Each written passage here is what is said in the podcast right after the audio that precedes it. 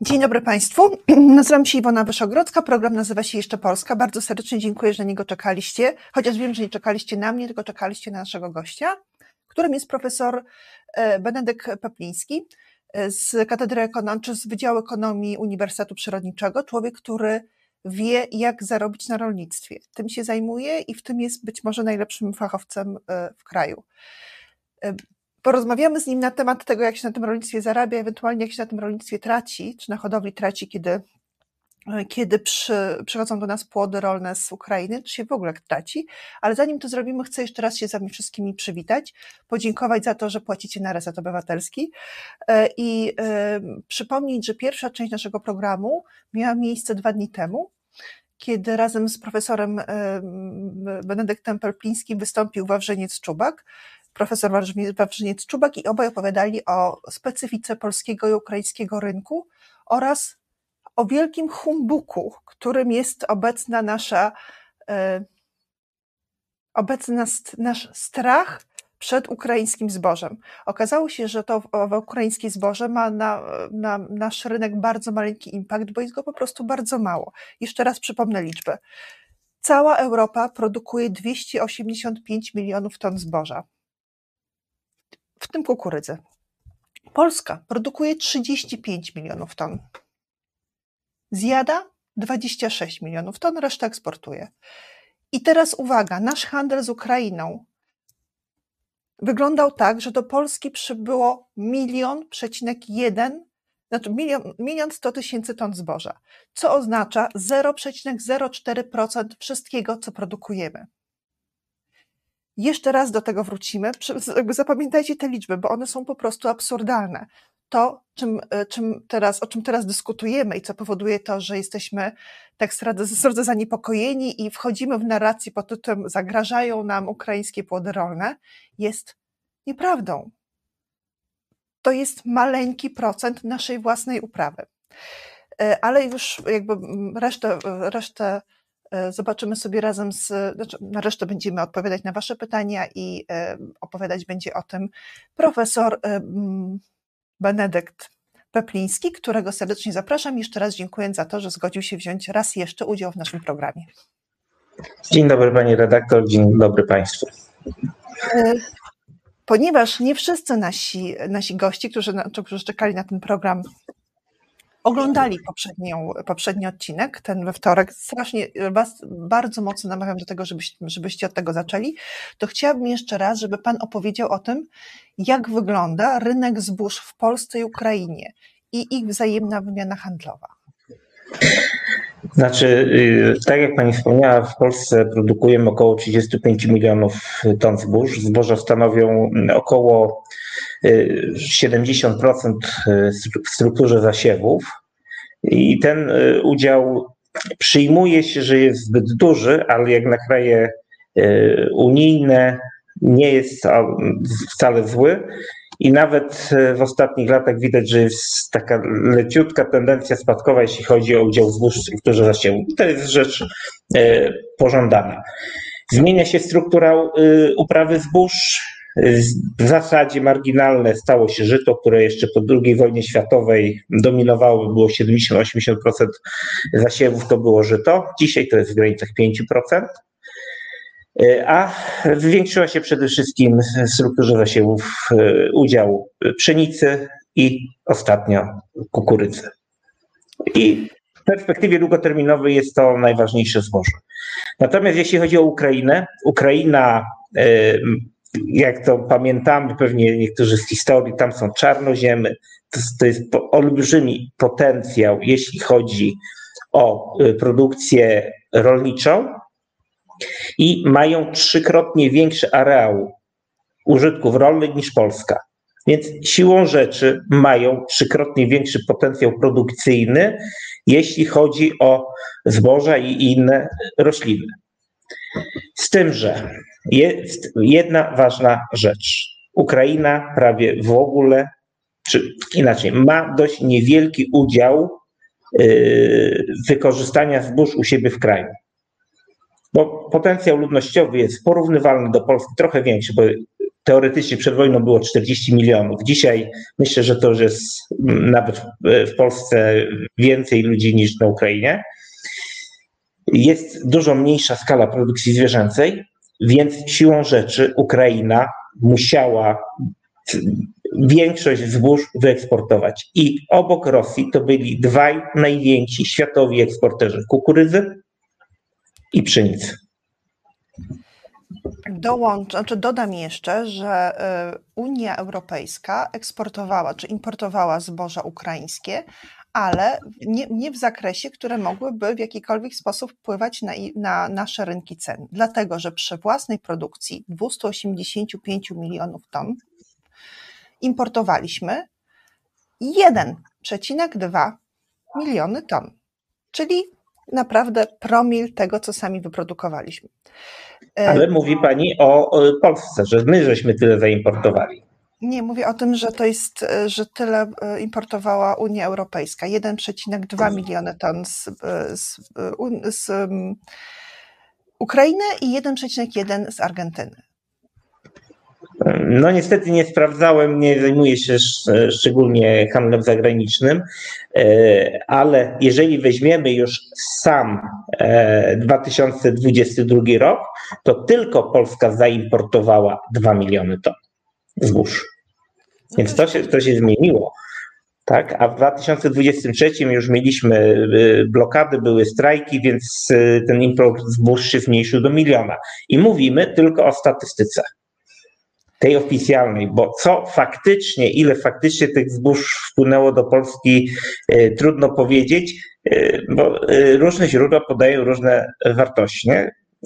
Pojawiają się nawet kwoty 5 milionów ton, a to już jest znacząca różnica kwota 5 milionów ton, ale w okresie całym, tak? Od momentu powstania, tak. od momentu wybuchu wojny, bo to nie jest kwota, która w jakikolwiek sposób jest udokumentowana. To jest kwota, która się pojawia gdzieś między wierszami, że to mogło być aż tyle. E, znaczy, Przypomnijmy, że, że w, tym czasie, w tym czasie Polska wyprodukowała 70 milionów ton. W czasie tych dwóch lat, które minęło czasu tak. wojny. Czyli nawet jeżeli ta, ten, ta plotka, czy ten, ten, jak to powiedzieć, czarny Mercedes, czy tam Wołga, E, wwiozła nam do Polski 5 milionów ton e, zboża, to znaczy, że wwiozła nam 8%, 8% tego, co sami wyprodukowaliśmy. I jeszcze jest ważne to, żeby, bo to jest jakby nowa informacja, którą otrzymałam, dlatego, dlatego się nie cieszę, że my nie przejadamy tego zboża. To znaczy produkujemy go znacznie więcej niż, niż możemy go e, jakby zużyć w Polsce, więc sami to zboże eksportujemy. Tak? E, zgadza się. E, to znaczy, e, być może te 5 milionów ton, o których jest mowa, to jest też to zboże, które przekracza granicę, ale ono miało przeznaczenie jakby jako tra tranzyt, tak? I miało wylądować w porcie chyba w Gdańsku, bo tam jest terminal zbożowy i miało być eksportowane. Natomiast no właśnie, to jest wszystko y, w sferze domniemań. Ja jako naukowiec nie mogę y, tym się zajmować do końca, ale jest y, duże prawdopodobieństwo, że część tego zboża jednak mimo wszystko została w kraju. I mówienie o tym, że to jest tam 5%, 8%, 10%, zawsze można powiedzieć, jest to niewiele. Z tym, że my przez wiele lat byliśmy y, de facto nawet importerem zboża.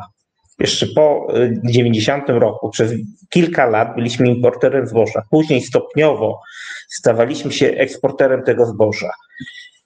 I zdobycie. Europejskiej, bo dostaliśmy dopłaty, tak? I okazało się, że możemy również zwiększyć i areał produkcji, i, y, i, i no, generalnie produkcję naszego zboża, tak? To znaczy, y, areału nie zwiększamy, dlatego że y, w przeciągu 30 lat areał y, użytków rolnych, czyli ten areał, na których uprawiamy cokolwiek, zmniejszył się z 18 milionów hektarów do 14,4 miliona. Czyli my żeśmy zmniejszyli areał również uprawy zbóż, ale poprawiła się wydajność. Pozbieraliśmy E, nawet 2,5 tony z hektara, bo były takie lata, były troszeczkę gorsze. Natomiast teraz te plony są w granicach 4 e, ton z hektara, więc to jest ten efekt e, czy wynik związany ze wzrostem plonów. Ale chcę jeszcze dokończyć myśl. Więc my żeśmy przez wiele lat zdobywali pomału nowe rynki zbytu. I, a jest to rynek dość trudny, dlatego że kiedyś e, przeglądałem sobie pod kątem artykułu, gdzie my eksportujemy. To jest e, w zasadzie tam, gdzie się da.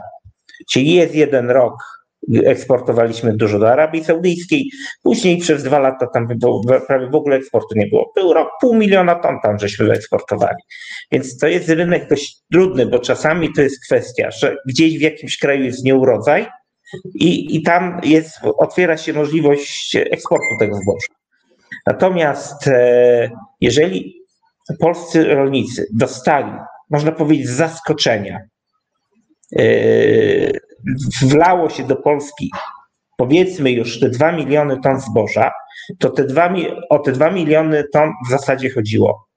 Że one zostały w, w, de facto w magazynach firm skupujących, inaczej przetwarzających, ale oni nie kupili od firm skupujących, czyli nie, nie kupiono tego zboża od rolników.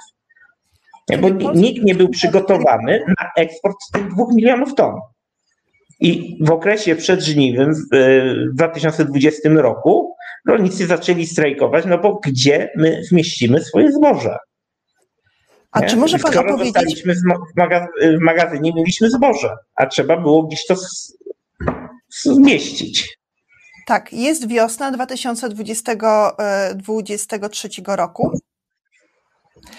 E, I okazuje się, że mamy w naszych silosach wciąż zboże, a znaczy w zasadzie zima. Przygotowujemy się, znaczy rolnicy przygotowują się do kolejnych siewów i okazuje się, że to zboże wciąż nie jest upłynnione. Czy pamięta Pan tą historię i jakby jaką rolę w tej historii pełnił Janusz Kowalski, minister rolnictwa? Znaczy, ja nie zajmuję się zasadniczo polityką, gdyż e, okay, nie mam nie, czasu. To, i, to wyjmijmy i, z, tego, z tej historii ministra rolnictwa. To chodzi o to, dlaczego zboże wciąż było w silosach w zimą, 2000, e, znaczy w zimą między 2022 a 2023 rokiem. Jak to się znaczy, stało? Że... Cały czas próbuję powiedzieć, że jeżeli w okresie powiedzmy pożniwnym 22 było już wiadomo, ile mamy y, zboża w krajowej produkcji, ile mniej więcej zużyjemy na paszę, na, na konsumpcję, na inne cele, to mniej więcej na, na taki poziom y, przygotowaliśmy się eksport, z eksportem. I pojawienie się dodatkowego zboża zakłóciło te, y, te przepływy, które były przygotowane. I w przeciągu kilku miesięcy jest niemożliwym, żeby wziąć i to zboże upłynnić. Bo to jest potrzeba, trzeba znaleźć e, statek, który to przetransportuje, ale przede wszystkim najpierw kupca trzeba znaleźć. Teoretycznie kupcy powinni się y, pojawić, no bo Ukraina przestała eksportować. Tylko to się troszeczkę mało o tym mówi, ale dużą część rynku ukraińskiego zajęła Rosja. Po, po pierwsze, oni przyjęli, zwłaszcza ten południowy pas yy, yy, na południe od Dniepru, tam przyjęli yy, całe połacie, łącznie z magazynami zboża, które były pełne tego zboża. I Rosja te, to zboże wyeksportowała, wypychając de facto Ukrainę z rynków. Nie. Więc to yy, też to, to tak, zboże zdrożało. Tak, i to jest bardzo ważne. Ale jeszcze, jeszcze dokończę. To zboże bardzo zdrożało. I e, też od ręki nie, niektóre kraje świata nie były w stanie tego zboża kupować. Bardziej one oczekiwały, żeby mieć podarowane zboże. I Rosja uczyniła zboże też narzędziem politycznym. Niestety. Mówiąc, Zachód e, nie chce wam dać, to my wam damy po jakiejś tam tańszej cenie, coś takiego. Nie? Więc zdobywała w ten sposób też dość brutalnie wpływy na świecie, szczególnie w Afryce. I teraz mamy taką sytuację. Przednówek. Styczeń, luty 2023 roku. Rosja zajęła ogromne połacie, znaczy yy, zajęła część Ukrainy, również silosy ze zbożem. Produkowała też swoje własne zboże, ale to, co, dostało się, co się dostało w jej ręce, w Ukrainie, no to już należało do, do niej i zaczęła tym zbożem, zbożem handlować. To znaczy, na, zaczęła oferować je światu za cenę, jak pamiętam, 250 tysięcy euro, tak? Nie, znaczy, o ile tona kosztowała 3,5 tysiąca, to ta Y, cena. Dolarów, 3,5 tysiąca dolarów za tonę. Tak, to czyli czy, E, Rosja zaczęła oferować to o 1000 dolarów mniej, czyli za 2,5 E, tysiąca. Przepraszam, musi być jeszcze inaczej. 350 dolarów za tonę. Bo to jest w granicach 1200-1400 zł za tonę i to były te ceny, które mieliśmy u siebie na rynku. Okej, ja tylko mam w głowie, że to jest 350 do 250 i że to znaczy, że prawie o jedną trzecią w ciągu paru miesięcy spadła cena, e, cena zboża. Czyli na rynku naraz pojawiło się tyle zboża za niską cenę, bo tą ceną manipulowała Rosja. W tym czasie my mamy w swoich magazynach bardzo dużo polskiego zboża, którego wcześniej, to teraz może, jeżeli pan, pan nie chce, to ja opowiem tą część historii, która jest chyba generalnie wszystkim nam znana, bo trochę o tym często mówił media. Czyli y, był ten moment, kiedy, kiedy wraz z wybuchem wojny wszyscy wiedzieli, że zostanie zablokowany y, eksport z Ukrainy, w związku z tym zboże najprawdopodobniej na rynku po prostu mocno podrożeje. Y, I pamiętam wystąpienia, y, wystąpienia wtedy ówczesnego rządu, które mówiły o tym, żeby na razie się wstrzymać z, z, ze sprzedażą, bo ta cena mo, może mocno wzrosnąć. W rezultacie w tym okresie, czyli właśnie w okresie zimy 22-23, w silosach było znacznie więcej zboża niż normalnie było, kiedy był ten obrót taki związany z eksportem. I teraz zaskoczenia okazało się, że, na ryn że rynek e, światowy, nie tylko europejski, bo my tam jesteśmy samowystarczalni w zbożu, ale, ale rynek światowy jest, e, teraz już można powiedzieć, że zostaje zalany e, ukraińskim zbożem, ale bynajmniej nie przez Ukrainę, tylko przez Rosję, która w ten sposób wpływa na jego ceny. I polscy rolnicy, nawet mając to swoje zboże w spilosach, jakby prawie z dnia na dzień okazało się, że to zboże, które mają, jest warte o jedną trzecią mniej, bo ceny po prostu spadły. I to był moment, kiedy po raz pierwszy usłyszeliśmy o protestach rolników. Tak? Pamięta Pan ten czas? Bo ja, ja to znaczy, trzeba y, troszeczkę, troszeczkę musimy y, roz, rozminąć, czy jakby podzielić czas. Pierwszy okres, rzeczywiście zaraz po wojnie, ceny zbóż naprawdę oszalały. Doszliśmy do cen właśnie w granicach 1000, nawet 500 zł za y, tonę pszenicy. I cały czas był znak zapytania, bo Rosja też w tym pierwszym momencie nie była w stanie w takim tempie, tak szybko y, zorganizować tego transportu. E, też nie, było, nie był e, pewny e, transport przez Morze Czarne, a i Rosja i Ukraina przez Morze Czarne eksportowały. Ale również port w Kłajpedzie, w Kaliningradzie, to jest aż o tym są wręcz wierszyki w ogóle w, i w, na Litwie mówiące o tym, że największe porty zbożowe Rosji są właśnie bo tamten... To prawda, ale transport z Ukrainy, z południa Ukrainy do Kłajpedy nie opłaca się. Tak samo jak de facto nie opłaca się eksportować na świat przez Polskę z Ukrainy. Dlatego, że już sam transport przez Polskę jest drogi i jeszcze statki muszą przepłynąć Morze y, Bałtyckie, tam na zachodzie i dopiero płyną do Afryki. Dużo szybciej, dużo taniej, w normalnych warunkach, niewojennych, pokojowych. Jest przetransportować to zboże nawet z obwodu lwowskiego y, do portu w Odessie, bo szlaki transportowe są w Ukrainie już e, gotowe i statkiem popłynąć tam, gdzie trzeba, Afryka, e, Azja. Bardzo, bardzo krótki szlak. Nie? Więc e, a, odległość jest porównywalna. A odległość jest porównywalna między może nie przygranicznymi obwodami ukraińskimi a, a Gdańskiem. Nie? Dlatego ta y, blokada handlu morskiego bardzo poważnie zakłóciła handel. I y, nikt nie musi rolnikowi mówić, y,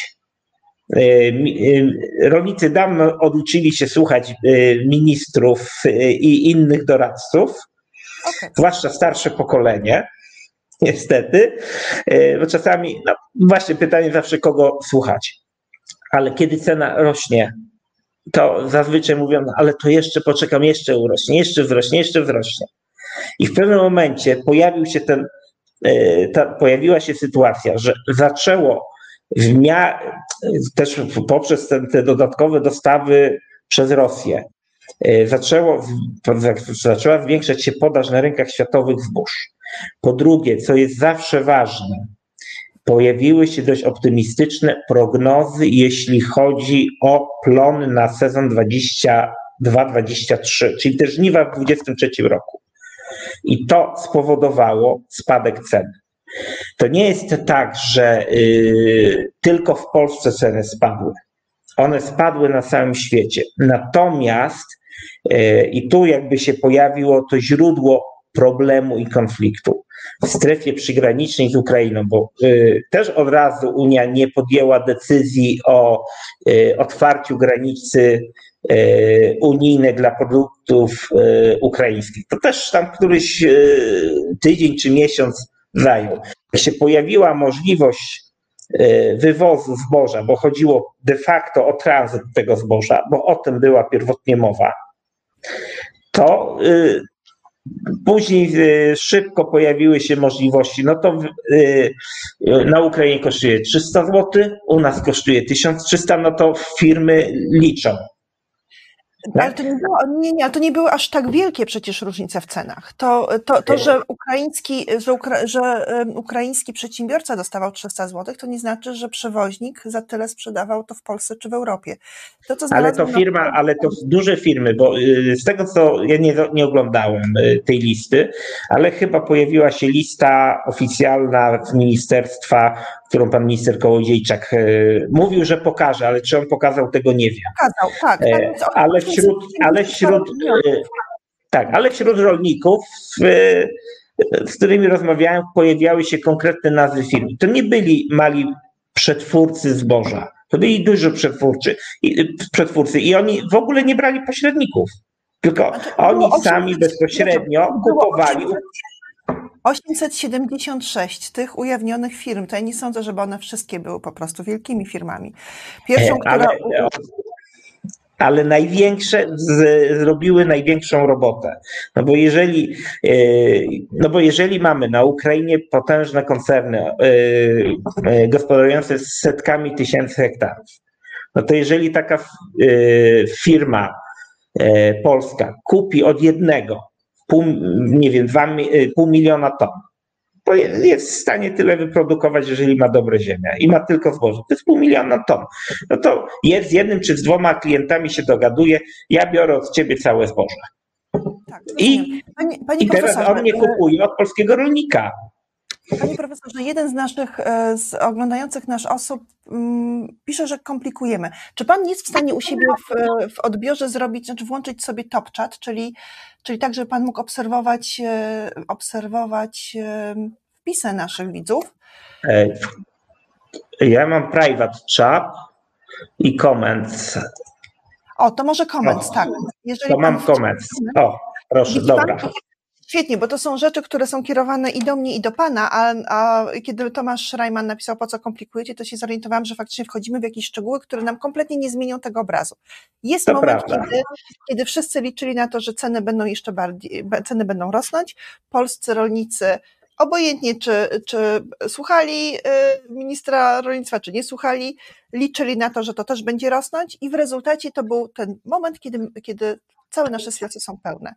I wtedy część, e, część zboża z Ukrainy zaczyna nie przeciekać, tylko zaczyna być kierowana przez polską granicę. Unia Europejska postanawia, że, że, że znosi embargo, znaczy nie, nie embargo, przepraszam, bo znosi cła na, na produkty rolne e, i przez naszą granicę przechodzą owe produkty rolne, cieszą się polskie paszownie, przetwórnie, no bo to, to jest jakby, płacą dużo mniej. E, niż, niż płaciłyby polskim firmom, ale generalnie chodzi też o to, że cała cena na, całym, na rynkach światowych zbóż po prostu spada. Z uwagi na to, że Rosja, jeszcze raz, e, jeszcze raz podkreślmy to, że to jakby ta, ta manipulacja rozpoczęła się od Rosji, która zaczyna sprzedawać ukraińskie zboże jako własne, za znacznie niższe pieniądze niż te, które, e, za które sprzedawała je, sprzedawała Ukraina wcześniej. I nikt na to nie ma wpływu. Po prostu nikt na to nie ma wpływu. To nie jest tak, że ktoś zachował się źle, że polskie firmy były niepatriotyczne i kupiły sobie zboże na rynku europejskim e, taniej niż kupiłby od polskiego rolnika, bo na tym polega ta wolność, jakby, którą mamy w Unii Europejskiej, że jeżeli masz sklep z winami, to nie znaczy, że musisz kupować wszystkie wina z Zielonej, z Zielonej Góry. Możesz kupować wina e, z Hiszpanii, z Portugalii, a nawet je eksportować z Argentyny czy z RPA, bo ci wolno i to jest jakby to jest wpisane gdzieś tam w nasz, w nasz system i my też się cieszymy, że możemy te wina potem kupować. Więc to nie, jest, to nie jest sytuacja, w której należałoby piętnować polskie firmy za to, że kupują polskie zboże, czy polskie paszownie, czy polskie młyny. Prawda? Ale, ale, ale, trzeba dać słowo ale. E, z jednego prostego powodu. E,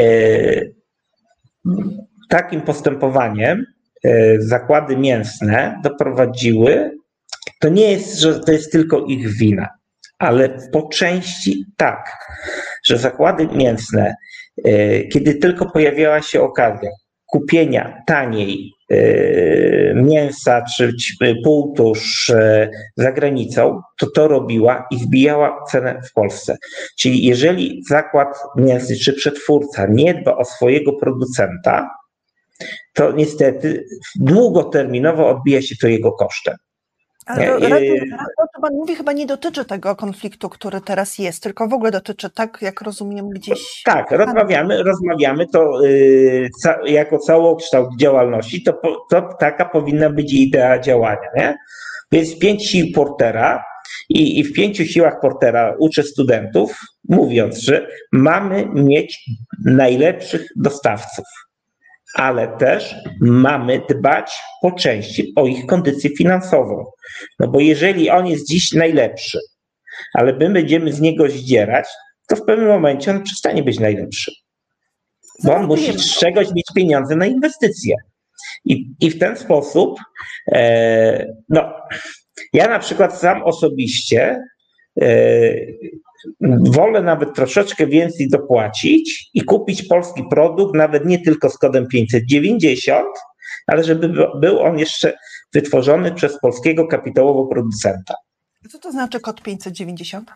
Bo y, jeżeli kupujemy cokolwiek, y, tutaj pokażę, mam cokolwiek, nie? O, momencik, bo muszę znaleźć. O, tu mamy kod 590. Nie?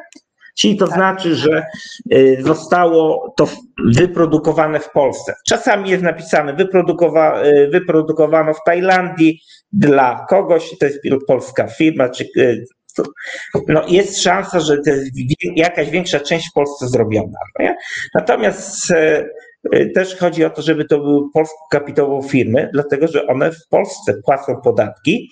Polsce mamy zarząd, a zarząd najlepiej za, zarabia i mamy jeszcze dział badawczo-rozwojowy, jeśli mamy troszeczkę większe firmy, a y, naukowcy, czyli, czyli ci ludzie, którzy w tych działach badawczo-rozwojowych pracują, oni też dużo zarabiają.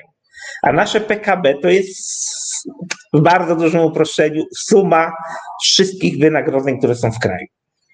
Nie? Tak, ja polska firma może zarabiać, później rozwijać się na, y, na rynkach międzynarodowych i zyski ze świata czerpać, płacić podatki w Polsce. Mamy większe pieniądze na emerytury. Poproszę Marcina, żeby wpisał, y, żeby tutaj w, w, ten nasz czat wpisał kod 590. Mam nadzieję, że tego nie zapomnimy. Byłoby fajnie, gdybyśmy, gdybyśmy na to zwracali uwagę. E, było bardzo to wiele. Jeśli mogę jeszcze, żeby była taka patriotyczna yy, wstawka, to proszę też wpisać taki, taka maluteńka aplikacja do telefonu Pola. Jak jest pole, to Pola. No imię Pola. też jest Pola. Tak? I ta, ta aplikacja nam pokazuje, ma, są cztery rzeczy. Czy produkuje w Polsce, yy, czy ma dział badawczo-rozwojowy w Polsce, czy to jest polska fi, yy, kapitałowa firma. I jeszcze czwarty, teraz nie pamiętam. To, to możemy, jeżeli tam jest 100%, to możemy e, kupować, że to jest no, w większości ona czyta, ona czyta kody paskowe, czy ta aplikacja? Tak, czytamy kod, kod kreskowy z tej aplikacji i wtedy nam się, e, jeżeli to jest w miarę popularny produkt, to on nam się wyświetli i wtedy możemy kupować takie najbardziej polskie produkty. Czyli 590. Kierunkowe do Polski to 590. e, jeżeli chcemy kupować polskie produkty w firmach, które są zarejestrowane w Polsce i w Polsce płacą podatki. To nie, to wtedy aplikacja Pola, bo 590 również mają firmy, czyli na przykład Coca-Cola, jak w Polsce rozlewa, to też będzie miała napis 590. No dla mnie, jeżeli Coca-Cola jest zarejestrowana w Polsce i tutaj płaci podatki, no, z tym różnie bywa. E, po, pro, prosty przykład. Bo, bo napojki nie, ale pro... Dobrze. Prosty przykład, prosty przykład, jak mamy telefony, to y, mamy T-Mobile, y, France, y, czyli Orange, i te firmy płacą w Polsce podatki, tak? Ale one sobie biorą, yy, kiedyś była taka informacja, 2% obrotu za prawo do używania tej marki, T-Mobile albo Orange. Czyli każdy, kto yy, ma te telefony, to 2% yy, jego rachunku przechodzi na konto matki w Berlinie czy yy, w Paryżu. Dobra, wracamy do rolnictwa. Tak. Mamy, yy, mamy to załatwione, 590, aplikacja Pola. E, rolnictwo. Wiemy, że jeszcze raz powtórzę te dane, które towarzyszyły nam w poprzednim mhm. programie. 40% Polaków mieszka na wsi.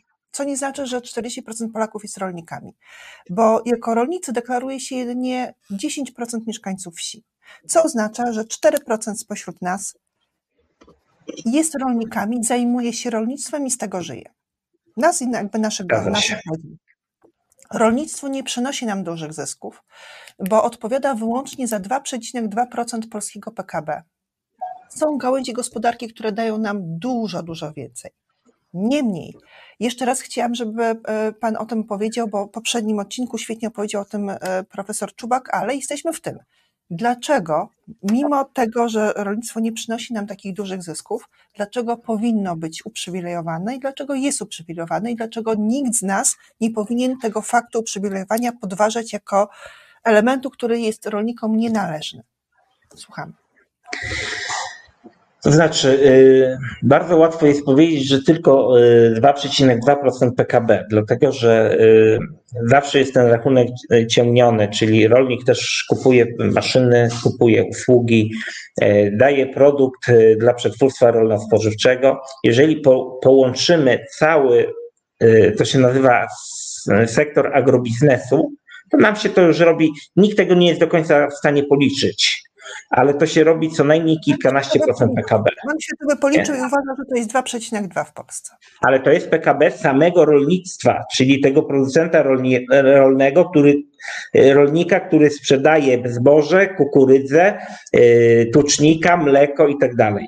Natomiast to mleko trzeba przerobić. Ten rolnik musi kupić maszyny, kupuje usługi, chodzi do banku, yy, firma budowlana mu coś tam robi tak? I mamy wiele, wiele, y, pier, y, wiele mm, e, podmiotów, które trochę dla rolnictwa i trochę dla innych sektorów pracują, nie?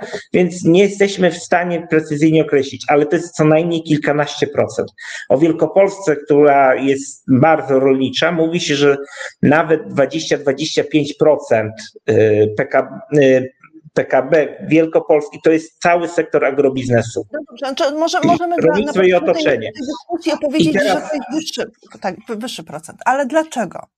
Bo widzimy, że rolnicy mają dopłaty, płacą KRUS, a nie ZUS, e, mają kredyty zeroprocentowe, e, dostają pieniądze po prostu za, za fakt, że są rolnikami i dopłaty bezpośrednio otrzymują po prostu za to, że mają pole. Jeżeli chcą więcej, to muszą tym zarządzać. Dlaczego nie powinniśmy się przeciwko temu buntować? To znaczy, e, jeżeli, jeżeli rolnik e, generalnie w zależności od roku, ale dopłaty stanowią około 30-50% dochodów na czysto rolników. I te, jeżeli tych dopłat nie dostaną, to żeby im się w ogóle opłacało pracować i za, żeby mogli zarabiać, rozwijać się, to musiałyby być droższe produkty rolne. Czyli finalnie y, w sklepach mielibyśmy trochę droższą żywność. Ponieważ te pieniądze idą przez y, podatnika, to y, jest to, można powiedzieć, troszeczkę korzystniejsze dla osób najbiedniejszych, bo one płacą stosunkowo niskie podatki, no, na przykład przez kwotę wolną od podatku już chociażby z tego względu. Mają dużo niższe podatki, natomiast korzystają z dużo tańszej żywności. Czyli to jest pewien sposób redystrybucji e, bogactwa. Z drugiej strony, e, mówimy o krusie. Jeżeli byśmy spojrzeli na ZUS, on jest też dotowany. Bo tak to wygląda. Tak, znaczy, ZUS znaczy, jest również ja, dotowany. Ja nie I chcę, teraz, rozmawiali o tym. Ale nie, nie, nie. Okej, okay, okej. Okay. I teraz, y, dlaczego y, mówimy, że KRUS jest dotowany? Y, bo z, również ZUS jest dotowany, ale w, istotą polskich, istotą polskiego systemu emerytalnego jest to, że obecni pracujący płacą na tych, którzy są dzisiaj na emeryturze.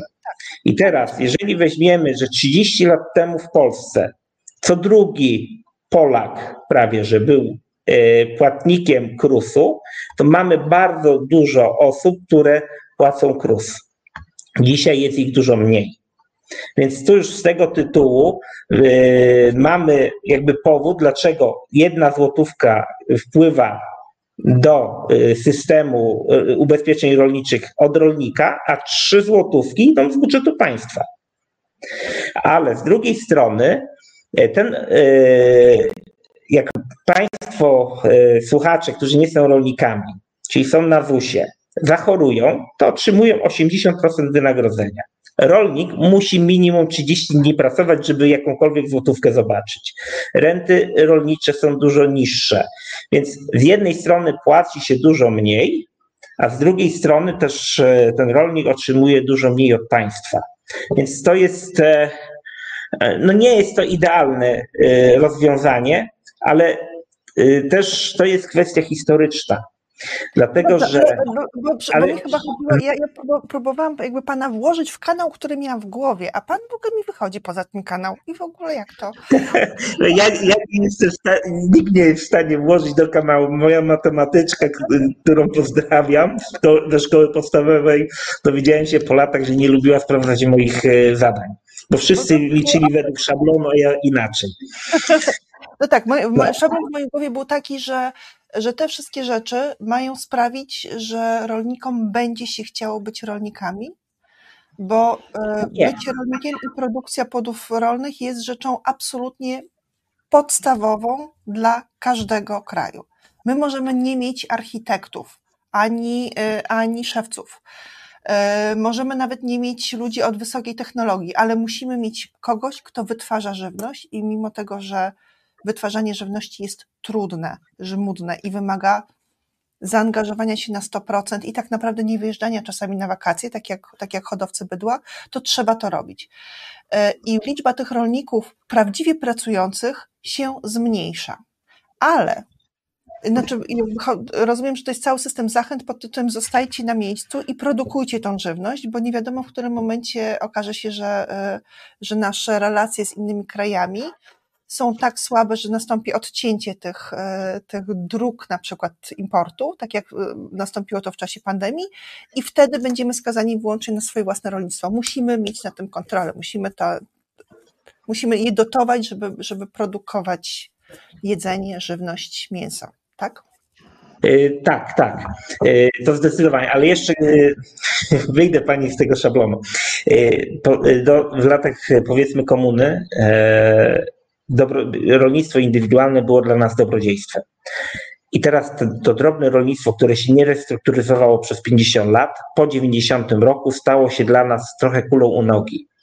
I ponieważ mieliśmy bardzo y, duże bezrobocie, to utrzymanie tych gospodarstw drobnych to, był, to było y, takie socjalne działanie. Niech trochę ma, trochę tam y, marcheweczki, trochę ziemniaczków, trochę zboża, świnkę będzie miał i ma z czego żyć.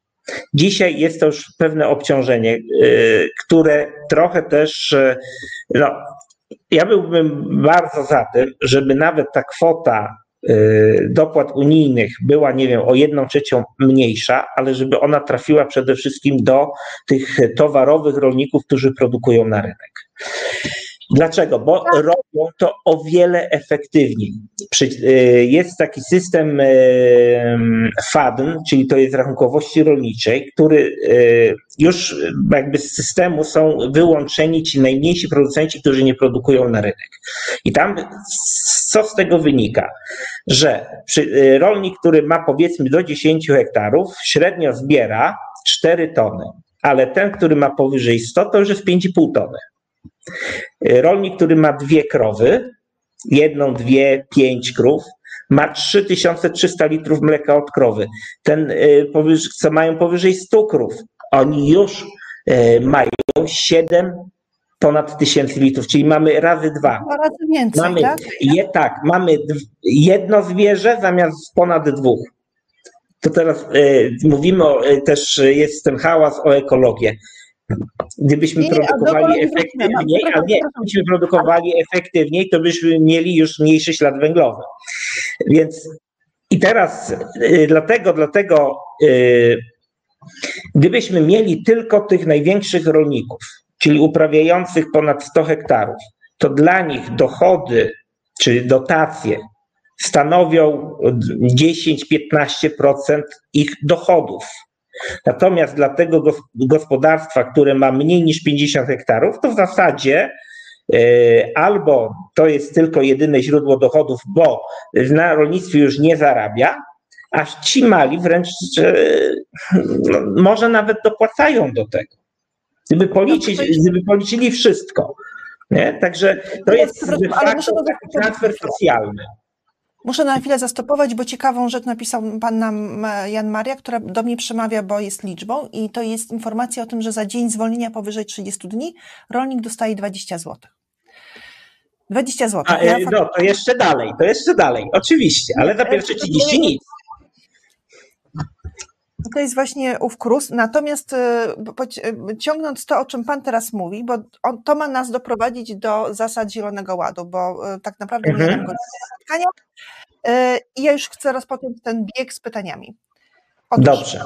Mamy w Polsce tysiąc, milion trzysta tysięcy gospodarstw. To znaczy tyle osób ma, jest wpisanych w, w GUS-ie jako rolnicy. Coś tam mają, jakiś kawałek ziemi. Ale gospodarstw, o których Pan mówi, czyli gospodarstw powyżej 50 hektarów, jest 45 tysięcy. Uwaga, tyle samo, dokładnie 45 tysięcy gospodarstw jest na Ukrainie. Tyle, Mhm. że te gospodarstwa na Ukrainie są po prostu znacznie większe. I teraz y, Unia Europejska dopłaca do wszystkich gospodarstw, do tych maleńkich i do tych wielkich. I tak i nie, dlatego że gospodarstwa powyżej 300 hektarów już e, te dopłaty mają bardzo ograniczone. No tak, Ci, ale ci chodzi o mają ograniczenia. no, Okej. ale no, powiedzmy, ale jeżeli jest tak, że mamy milion dwieście, milion trzysta tysięcy gospodarstw i tylko powiedzmy 50 tysięcy gospodarstw produkuje żywność, a cała reszta nie produkuje, Nie, No. to, to jest duże uproszczenie. One produkują, tylko produkują mało. Te 50, b- b- ja bym powiedział tak, 300 tysięcy gospodarstw. One produkują przede wszystkim na rynek. To są te gospodarstwa, które, e, których produkcja e, ląduje w przetwórstwie rolno-spożywczym. Mniejsze gospodarstwa też produkują na, na rynek, ale one nie są w stanie się długoterminowo utrzymać. Bo każde gospodarstwo powyżej bym powiedział, dwóch hektarów już ma produkcję na rynku. Więc niemożliwe, żeby nie było na, na rynku tego zboża. No, ale to jest jakby, no to faktycznie. Do, Oni wszyscy pan produkują na rynek, ale przyszłość mają te gospodarstwa powyżej 50 hektarów i I te, które mają specjalistyczną produkcję, bo można mieć dwa hektary y, pod szkłem, można mieć, e, nie wiem, warzywa, owoce na kilku hektarach i to jest w tej chwili wystarczający dochód, żeby się utrzymać. Ale z upływem czasu jest coraz, y, trzeba mieć coraz większy areał. Czyli jak dochodzimy do tego momentu, w którym wiemy, że utrzymują się, go- znaczy, że dobrze zarabiają, dobrze prosperują gospodarstwa, które mają e, ponad 50 hektarów. Te odrobinę mniejsze też się jakoś utrzymują, coś tam oddają nadwyżkę mleka, czy, czy nadwyżkę pomidorów, ale jakby nie robią nam specjalnie różnicy. Te małe funkcjonują na własny użytek, a czasami również e, muszą i tak dokupywać zbiory rolne, bo, bo te 2-3 hektary to nie jest wystarczająco dużo, żeby móc się z tego utrzymać. I teraz wchodzi Zielony Ład i to jest najważniejsze pytanie, otwierające tą, tą część, w której mhm. będę mógł przerywać i zadawać po prostu bardzo dużo różnych pytań. Po co powstał Zielony Ład? Jakie były jego cele? Idea Zielonego Ładu to jest e, przede wszystkim powiązana z tym, żeby trochę wymusić na rolnikach bardziej ekologiczne, ekologiczną produkcję. W sensie takim, żeby zaczęli stosować pewne konkretne rozwiązania, które w opinii decydentów w Brukseli będą e, powodować, że to, ta produkcja rolna będzie mniej szkodliwa dla środowiska i jest to też po części e, odpowiedź na postulaty najbardziej radykalnych ruchów takich prośrodowiskowych, e, prozwierzęcych. Radykalnych? Proszę? Znaczy takich radykalnych? E, e, myślę, że w dużej, w dużej mierze tak. W dużej, e, takich mocnych i radykalnych. Czyli, czyli chodziło o to, żeby, była, żeby produkcja rolna była mniej obciążająca dla środowiska oraz, jeżeli dobrze rozumiem, to również chodziło też o to, żeby produkty, które uzyskujemy, były mniej chemiczne, to znaczy, żeby zawierały w sobie mniejszą ilość pestycydów, nawozów oraz tych elementów, które czynią tą, tą żywność gorszą jakościowo. Tak, było... tak i, po, i po części też, e, bo jest e, też ten cały program, który ma zwiększać ilość węgla w glebie. E, I, czyli ma też wiązać ten CO2, które emituje rolnictwo, czy nie tylko rolnictwo, i żeby to pozostawało w glebie, nie? tą karbonizację rolnictwa. Także y, tych, tych jakby mm, czynników, tych takich e, idei jest całkiem sporo. Ale y, rolni, y, bo jest jakby jedna ważna rzecz. Rolnicy naprawdę nie są chętni, żeby e, robić coś świadomie ze szkodą dla środowiska, bo oni w tym środowisku żyją. Czasami pan jest... ma większą świadomość ekologiczną niż przeciętny człowiek chodzący po, po brukowanym chodniku. E, przeciętny tak. Z przeciętnym tak. Dlatego, bo y, przy, przykład mamy, y, to już wspominałem o tym y, przykładzie dwa dni temu w tym poprzednim programie, że południowo-zachodnia Wielkopolska, obszar o najlepszym rolnictwie w Polsce, czyli powiat gostyński, rawicki, krotoszyński, leszczyński. Tam były zrobione badania jakości środowiska, bardzo dobrym takim y, obiektem y, obserwacyjnym są ptaki. One są bardzo czułe na zanieczyszczenie środowiska i tamte badania wykazały, że tam jest bardzo dużo ptaków, nawet tych, które są zagrożone w istnieniu. Ich jest bardzo niewiele w Polsce. One też tam funkcjonują, a to jest najbardziej intensywne rolnictwo w Polsce. Czyli jeżeli rolnicy zachowują E, ten e, zdrowy sposób produkcji, to powiedzmy to zrównoważone rolnictwo, większość z nich to robi, to, to rolnictwo aż tak bardzo nie cierpi. Prawdą jest, że. Cierpi, tak? Tak, tak. Mamy, y, zwłaszcza jak są miedze, jakieś tam różne zarośla, jeżeli rolnicy produkują różne rośliny, to jedno jest zebrane, te zwierzęta przenoszą się na, na inny kawałek pola, one sobie zawsze gdzieś tam znajdą, znajdą miejsce, nie? Też nie są zainteresowani chemizacją. Chyba, że mamy monokulturę pszenicy albo rzepaku, albo kukurydzy, która, yy, która jakby nie pozwala na to, żeby wszystkie te gatunki były na tych areałach. Ja się zresztą nie kłócę o to, bo sama wiem, że te areały polskie nie są bardzo duże. Natomiast yy, dowiedziałam się, czego też nie byłam świadoma, że faktycznie samo rolnictwo emituje do atmosfery bardzo dużo CO2. I w ogóle nie byłam tego pewna, znaczy nie byłam tego świadoma, ale też zobaczyłam o tym, że znacznie więcej tego CO2 emituje do atmosfery hodowla zwierząt. I o to też chciałam Pana zapytać. To znaczy,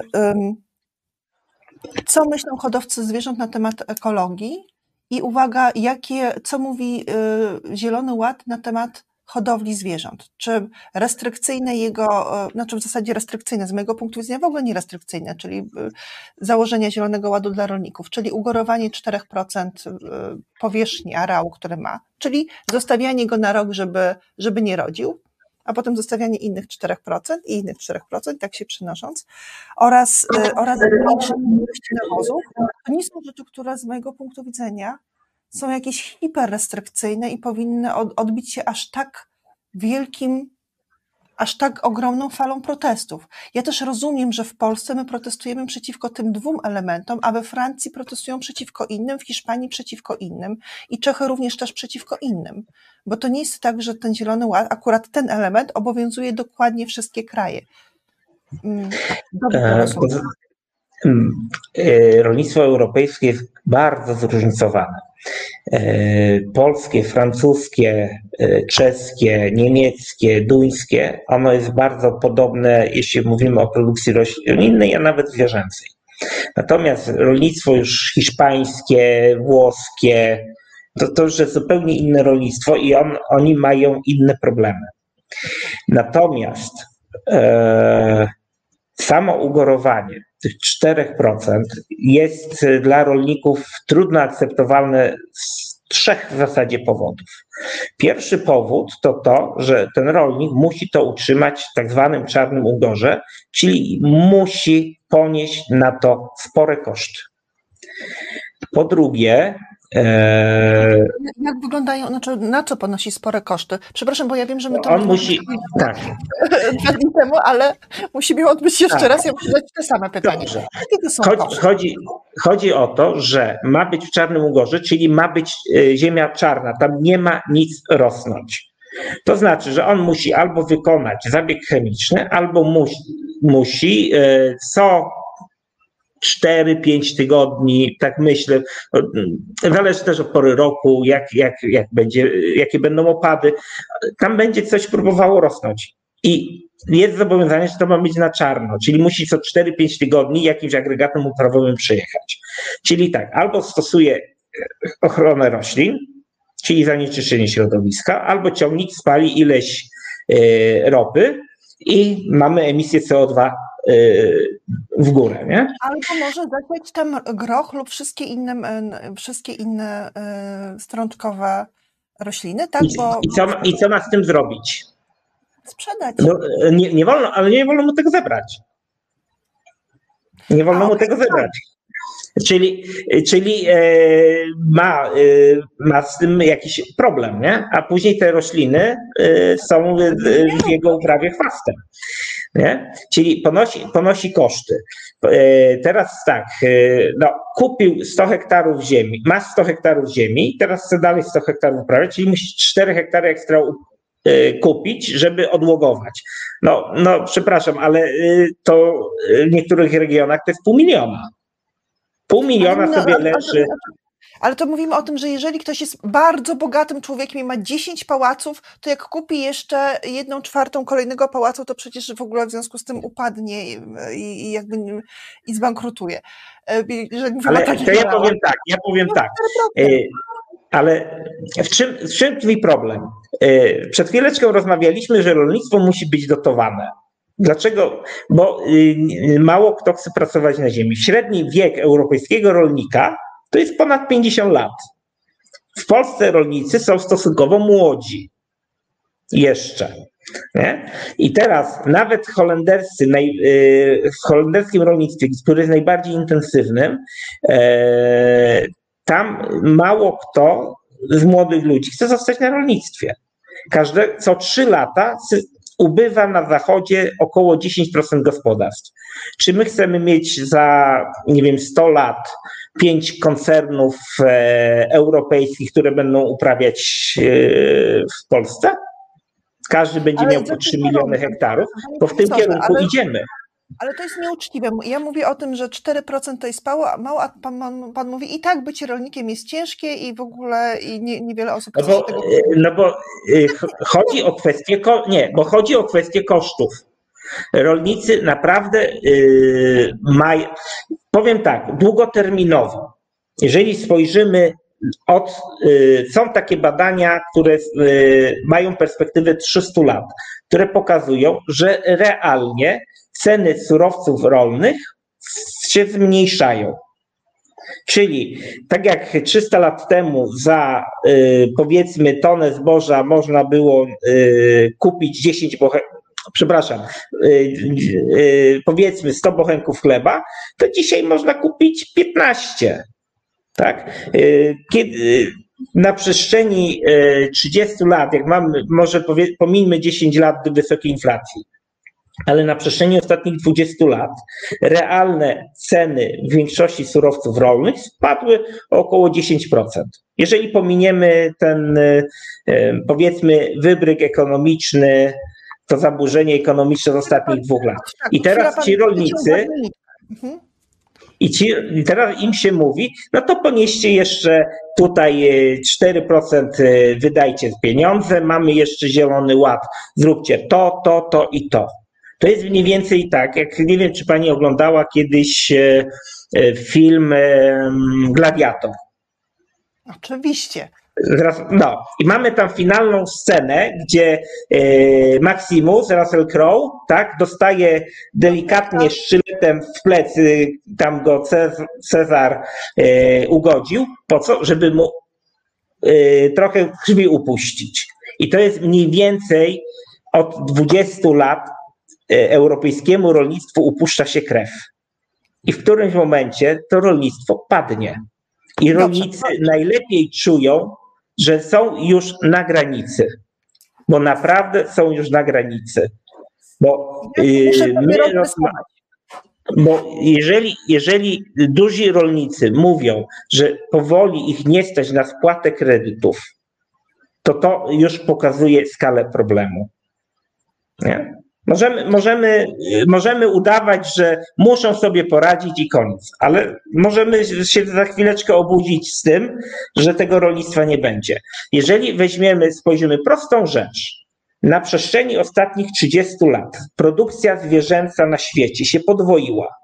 A jak pani myśli, co się stało z europejską produkcją? No myślę, że stoi w miejscu. Nie, zmniejsza się nawet. Nawet się zmniejsza. Bo I teraz...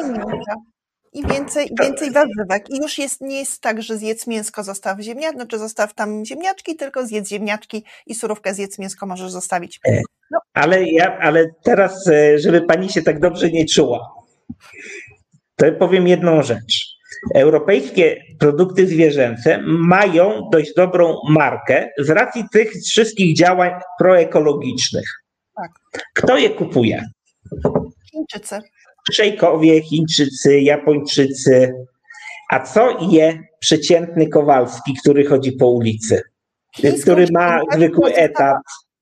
Chińską świnkę, która została zaprowadzona do polskiego gospodarstwa i tam jest wychowywana aż do śmierci i szlachtowana. Nie, I to się nazywa, nie, że mamy nie. hodowlę świn. Nie? nie, nie, bo też musi spełnić te rygorystyczne wymogi tylko przyjedzie z, na przykład, jeszcze, jeszcze nie, bo Chińczycy jeszcze dość drogo produkują, ale nie wiem, czy pani kiedyś słyszała o 26-piętrowych chlewniach. Są budowane przez Chińczyków chlewnie, wieżowce, 26 pięter. Nie? I to jest już w tej chwili wielopiętrowe chlewnie w Chinach, to jest standard. Zaczynają od tym. Przepraszam, E, bo ja, ja hodowli chcę poświęcić jakiś, jakiś oddzielny odcinek czasu, a tymczasem e, przeskoczył Pan z czegoś, co było dla mnie hiper... Aha. W ogóle wszystko, co Pan mówi jest interesujące, ale chcę wrócić do tego, do tych problemów Dobra. polskich rolników, które ja muszę sobie rozrysować, żeby móc je zapamiętać i mam nadzieję, że to również trochę pomoże, pomoże Państwu. Ja będę mówić, a Pan będzie mnie korygował, czy mówię dobrze. E, zauważyłam, że, że mówimy o czterech filarach. Po pierwsze, powoli zmniejsza się cena, za którą rolnicy sprzedają swoje produkty.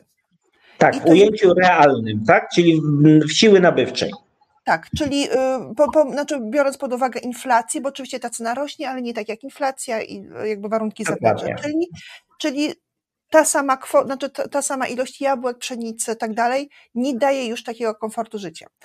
E, to jest jeden, e, jeden filar i to jest, e, jakby to się dzieje na rynkach światowych, więc to nie jest tak. sytuacja Polski, czy też nawet Europy, to się dzieje na rynkach, na rynkach światowych. Druga rzecz jest taka, że nakłady, znaczy, że mm, dotacje Unii Europejskiej znaczy no, jakby dopłaty bezpośrednie, nie, bez, nie bezpośrednie, po pierwsze, w, w ujęciu realnym też się trochę zmniejszają, Zgadza się. drugie, ich, e, ich e, dostanie jest uwarunkowane zbyt mocno coraz większą biurokracją, która razem z tymi dopłatami dochodzi. To znaczy, że te tak. podstawowe, czyli bez, tak zwane bezpośrednie, wciąż odbywają się w zasadzie na podstawie wymiany karteczek. Tyle mam, tyle jakby tyle zasiewam, to jest ta bazowa kwota, ale jeżeli chcę dostać więcej, to muszę coraz więcej temu poświęcić czasu, ewentualnie właśnie zrobić ten, tego schematy bardzo skomplikowane, etc., etc. Przepraszam, że nawiązuję do tego, mimo tego, że o tym nie rozmawialiśmy, ale rozmawialiśmy dwa dni temu. Trzeci element, i zaraz mi okazuje, okaże się, że on mi zaraz wypadł. E, trzeci, no od razu skoczę do czwartego. Trzeci może mi się przypomnieć. Czwarty to jest ten, który spowodował bezpośrednio powód, dla którego ludzie, znaczy do którego rolnicy wyszli rok temu na, na, na blokadę, który mówił o tym, że tąpnęły ceny zboża. Zgadza się. Jest jeszcze jeden, o którym Pan powiedział, który właśnie przed chwilą mi wyszedł, wyszedł z głowy, dlatego że nie zrobiłam w trakcie, w trakcie Pana wypowiedzi mutatek, ale może on się nam, e, może Pan na niego wpadnie. Czyli pierwszy, e, coraz niższe ceny w ogóle. Drugi, tak. coraz większa biurokracja Unii. Potem jest ten trzeci i czwarty to jest to, że tąpnęły te, te, te ceny z tam 350 y, tysięcy na 250 tysięcy. No i, i ogólny trend ekologiczny. A tak, i że to jest tak, że to coraz więcej trzeba po prostu robić na polu, żeby wyrobić się z tym, co, że nawet nie chodzi o samą, y, o samą papierkową robotę, tylko o właśnie dozowanie tych dawek i prowadzenie. I uwaga, jest taka rzecz, która, którą również muszę podnieść, odwołując się do naszej, y, do, do naszej części rozmowy sprzed 10 minut. Jeżeli ceny zboża tąpnęły o 30%, z 350 na 250 y, tysięcy, znaczy 250 dolarów. Euro. Mhm. Euro, no dolarów, euro. No, euro to, jak, tak, mniej więcej. To jako, jakie znaczenie ma w tej sytuacji to, że raptem 4% areału nie będzie zasiewane, czy nie będzie jakby y, no umówmy się, że jeżeli, jeżeli te 4% areału tak naprawdę, czy brak, daje mi dochód mniejszy o 2%, bo przecież i tak dostanę na to, na to dopłatę. To nie jest tak, że po prostu mam zapomnieć o tym, że go mam, bo dostanę na niego dopłatę, tylko nie zbiorę z niego, e, nie zbiorę z niego pszenicy czy tam e, czegokolwiek ziarna. E, ale tak naprawdę to przecież rzeczą, która mnie uderzy po kieszeni, po kręgosłupie i w ogóle tak, że padnę na kolana, jest to, że o jedną trzecią właśnie okazało się, że dostanę mniej za całe zboże, które uprawiam. Ta, ten, no dla mnie to jest jasne, to znaczy, że jeżeli tak. zmniejsza pensję o jedną trzecią, to jest dla mnie ważniejsze, niżeli to, że, że teraz muszę e, z kieszeni zapłacić 2% więcej składki na, jad, na, na jakiś tam fundusz. E, no, ale to nie jest do końca prawda. To, to yy, trzeba powiedzieć tak, że te, to, co rolnik dostanie za te 4%, areału, który jakieś pieniądze dostaje za te 4 hektary, to te pieniądze nie pokryją mu kosztów, które ma, musi ekstra zrobić. A on mógłby na tych 4 hektarach zarobić. No tak, tak? ale to Bo teraz to, tak, mam maszyny, mam maszyny, które, których nie muszę zmieniać i, i one mi nie pracują. Więc y, tam jest kwestia zarobku. Jeżeli przyjmiemy tylko 1000 zł za tonę pszenicy, powiedzmy delikatnie 6 ton zbiera, to można przyjąć, że około 3000 ze spokojem jest y, do tyłu. Z racji tego, że na, tych, y, na tym jednym hektarze nie uprawia. Tak? Bo, y, bo mam ten sam sprzęt, który normalnie kosztuje. Ale bo jest to prawo no, prawo ekonomii skali, czyli im więcej uprawiam, im większy mam areał, tym te koszty stałe mi się zmniejszają. Tak? Czyli zamiast, można powiedzieć, te 4 hektary koszty stałe mnie nic nie kosztują. Czyli 2-2,5 tysiąca mam kosztów stałych na tym hektarze, 500 zarobków. 3 tysiące, 3 tysięcy nie mam. Razy 4 y, mam 12 tysięcy y, do tyłu. Czyli to jest to, to, jest to kolejne upuszczanie krwi. Ale ja to rozumiem, tylko myśląc o tym, jak to się stało, że, że kraj ogarnął pewien pożar wśród tych e, producentów, właśnie producentów zbóż. Okej, okay. o jednej rzeczy żeśmy nie powiedzieli. Jeszcze o jednej rzeczy nie powiedziałem. Dlatego, że e, te ceny, które dziś są, one były parę, 3-4 lata temu. I rolnicy się nie, nie, nie buntowali, tylko mieli inne koszty produkcji. E, olej napędowy zdrożał, e, było 4,5, mamy 6,5, mamy 30% do góry. Nawozy fosforowe, potasowe zdrożały razy 2, 3. E, dorzucimy do tego nawozy azotowe, które zdrożały o yy, razy 2. To chyba jeszcze, zależy od którego momentu liczymy, czy zaraz początek wojny, czy jeszcze troszeczkę wcześniej, bo one drożały. A nawozy, nawożenie to jest jedna trzecia kosztów, a dziś nawet prawie połowa. Rozumiem, ale to się mieści w, tej pierwszej, w tym pierwszym kolumnie pod tytułem Realny zysk y, z mojego gospodarstwa po prostu spada, dlatego że się ale te ostatnie dwa lata, ale te ostatnie dwa lata stały się dramatyczne, dramatycznie wzrosły te koszty produkcji i rolnicy tego z powrotem nie mają. I to jest ten problem. To jest ta iskra zapalna. Bo to jest tak, tak jakby. Pani Maria mówi też o prądzie, oczywiście, że tak.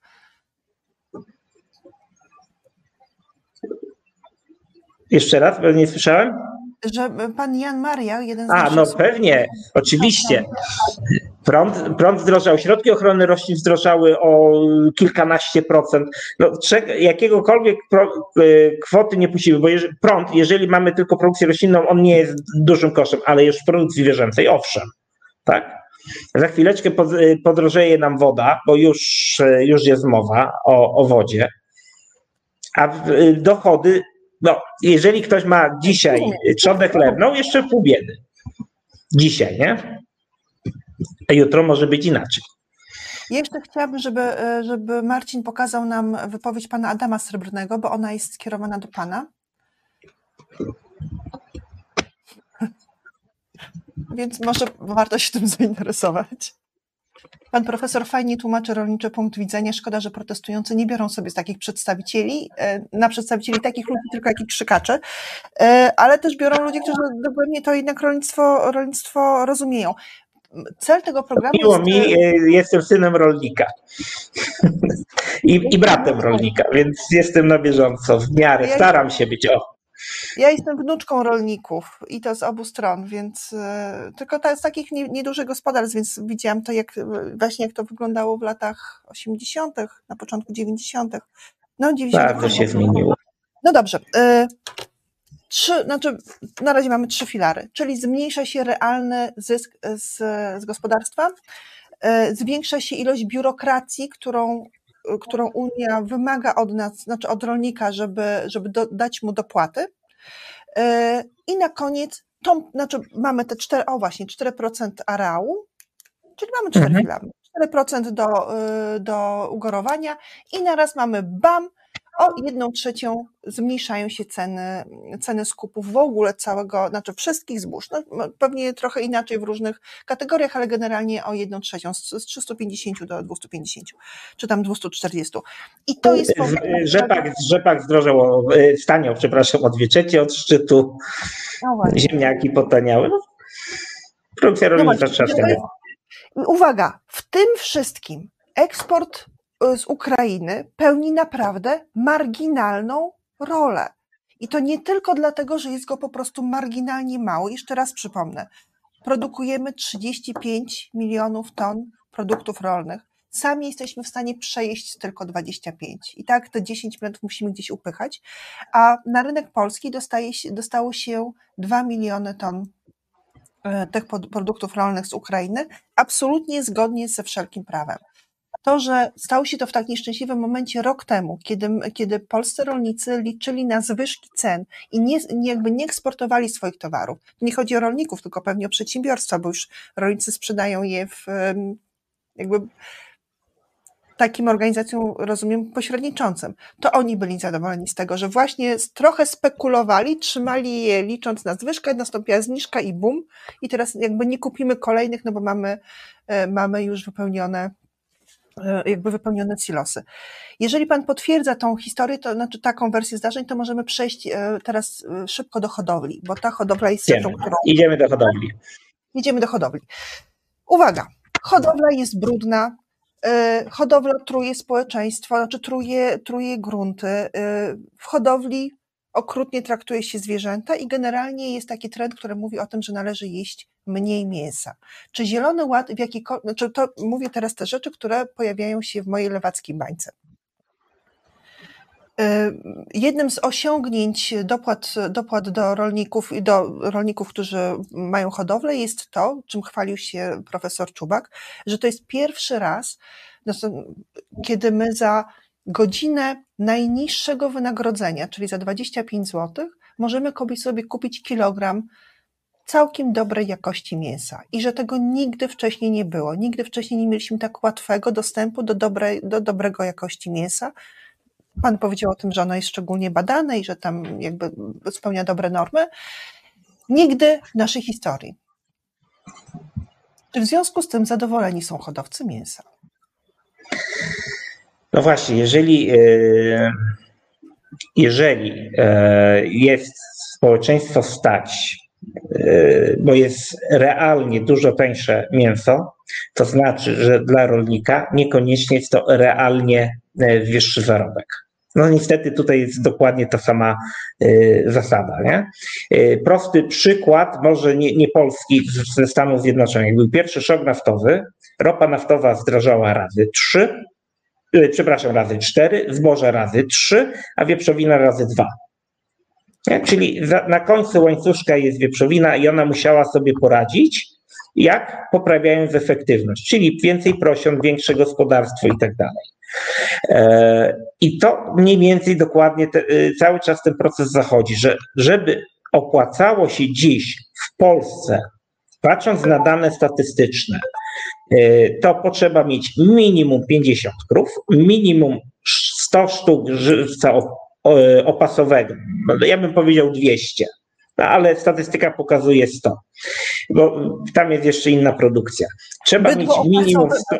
Bydło opasowe, czyli bez krów, bez krów. Czyli takie byczki sobie chodzą po, po łące na przykład, tam nie ma krów. Nie? Może być e, krowa mięsna, mamka i ona rodzi cielaczki i one sobie rosną. Nie? To, jest, to jest najlepsza jakościowo wołowina. 100 e, e, macior, 1000 tuczników w cyklu zamkniętym albo 2000 w cyklu otwartym na stanie na dziś. I to są, to są ilości, y, które są w Polsce. Nam się wydają horrendalne, ale jeżeli ma rolnik na tym zarabiać i mieć perspektywę życia, to musi tyle już utrzymywać. Bo albo to będzie miał. Henryk Wojciechowicz pisze nam, e, że jeżeli może pozwolisz, Marcin, tak? jakie są ceny skupu żywca? E, ostatnio troszeczkę zdrożały, bo rzeczywiście nawet e, dochodziło, było ponad 10 zł za kilogram wagi żywej.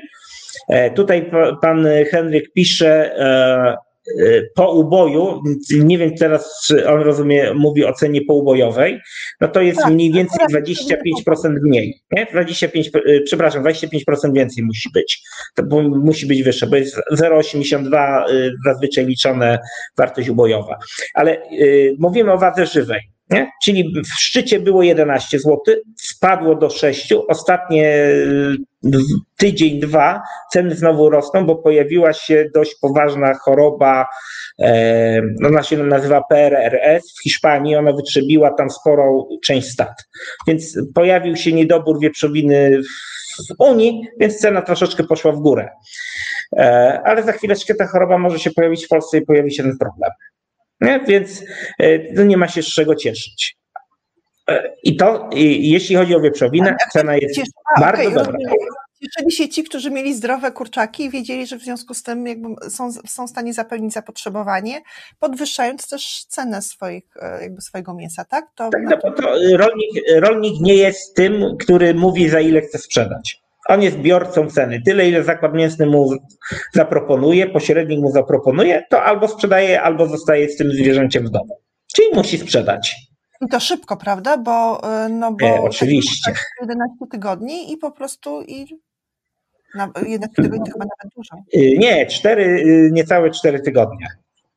Naprawdę od wyklucia do, do uboju kurczaka, nie wiem, 4 Tak, tygodnie. broiler, broiler, tylko tyle. Kiedyś było 8 tygodni. Jak ja byłem takim, e, powiedzmy, studentem, to było 8 tygodni. Dzisiaj 4 tygodnie. Technicznie jest to możliwe w 2,5 tygodnia zrobić, no ale mięso byłoby e, niedobre. Tak? Wieprzowina od, y, prosi od urodzenia do sprzedaży takiego 120-kilogramowego. Teoretycznie jest w 4 miesiące. Nie? Ale znowu mięso będzie niezbyt dobre jakościowo, więc y, ten tuż jest troszeczkę dłuższy. Ile? Tak 5,5 miesiąca wystarczy. I to jest dobra, dobra wieprzowina. To nie, nie jest tak dobra, jak była kiedyś.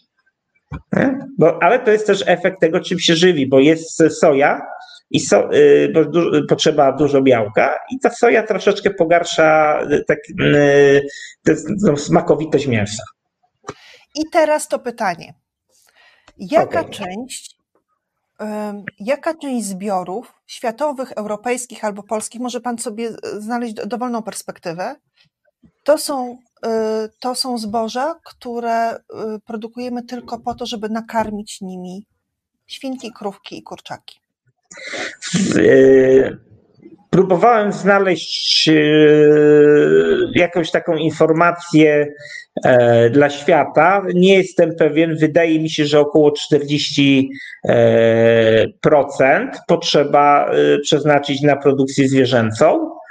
E, No jest to całkiem sporo, ale też musimy pamiętać, że gdybyśmy mieli e, tylko e, produkcję roślinną, to byśmy musieli jej troszeczkę więcej zjeść. Więc e, e, to No to nie jest znaczy, tak zero-jedynkowo, nie? Moje Czyli źródła e, europejskie mówią o tym, że to jest dwie trzecie, że dwie trzecie roślin e, i zbóż e, produkujemy tylko po to, żeby nakarmić nimi zwierzęta. Dlatego oczywiście, że w Europie, tak jak i w Stanach, jest bardzo wysoki procent osób, które jedzą mięso, bo nas na to stać właśnie dzięki temu, że robimy tak, żeby ono było tańsze, dotujemy rolników, teoretycznie rolników, ale tak naprawdę dotujemy jakby zboże dla, e, dla zwierząt. Znaczy, no jakby jedzenie E, Okej, nie, ale to y, ja, ja podałem w skali świata. Natomiast jeśli chodzi o Polskę, to y, skarmiamy każdego roku y, około 14-15 milionów ton. Co to Tak, znaczy? czyli produkujemy 35, y, to są gusowskie. Ja to wziąłem, jest e, taki, takie czasopismo Rynek Zbóż i świadomie szybciutko teraz z panią rozmawiam i szukałem. E, No i tutaj mam za 2020, 21, 27, 22 i prognozy na sezon 22, 23. Nie, no to jest tam zawsze 14-15 milionów ton spośród tych 30, y, 35, które mamy. To jest na spasanie. Czyli to jest jedna trzecia. Na spasanie. przepraszam, tak? 40%. Tak, 40% na spasanie. I to się Je, jemy, spasanie. Spasanie Tak. to jest określenie na. to e, jest karmienie, to jest karmienie zwierząt. Na, okej.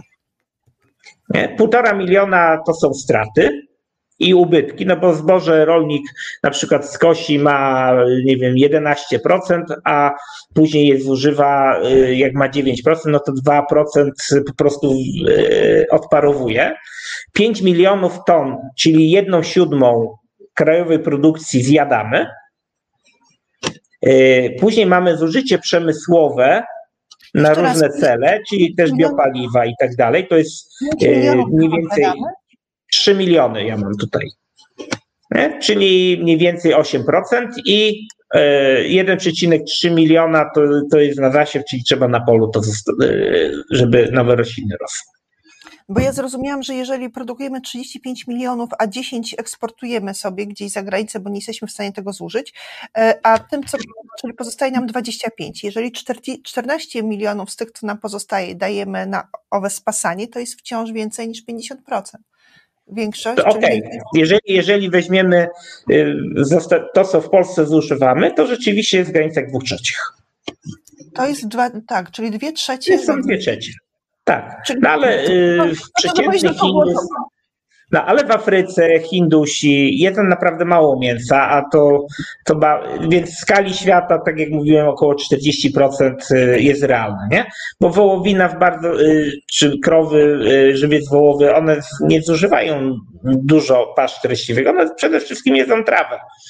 Nie? Kukurydzę na ziarno to nie są zboża. Przepraszam, kukurydzę kiszonkową, nie? Czyli to nie są zboża, więc e, to są części zielone, których my nie jadamy. Ale to warto wynieść z tego programu, że, e, że w sytuacji, kiedy dostarczamy sobie taniego mięsa, to, to jesteśmy. Znaczy, jeżeli dostarczyć sobie taniego mięsa, to jesteśmy w tej sytuacji absolutnie uprzywilejowanej, tłustej, sytej Europy, w której dwie trzecie płodów rolnych produkujemy po to, żeby nakarmić nimi zwierzątka, żeby mieć to mięso tańsze. I jeżeli mówimy o tym, że produkcja rolna e, musi być dotowana i jeżeli e, mówimy o tym, żeby ograniczyć nawożenie pestycydami, trochę ograniczyć wpływ na środowisko, z drugiej strony robimy duże, Pan mówi o tym, że, że naprawdę ogromne hodowle e, jakby zwierząt i ale nie, nie ma ich w Europie, nie? Nie ma w nich, ich w Europie.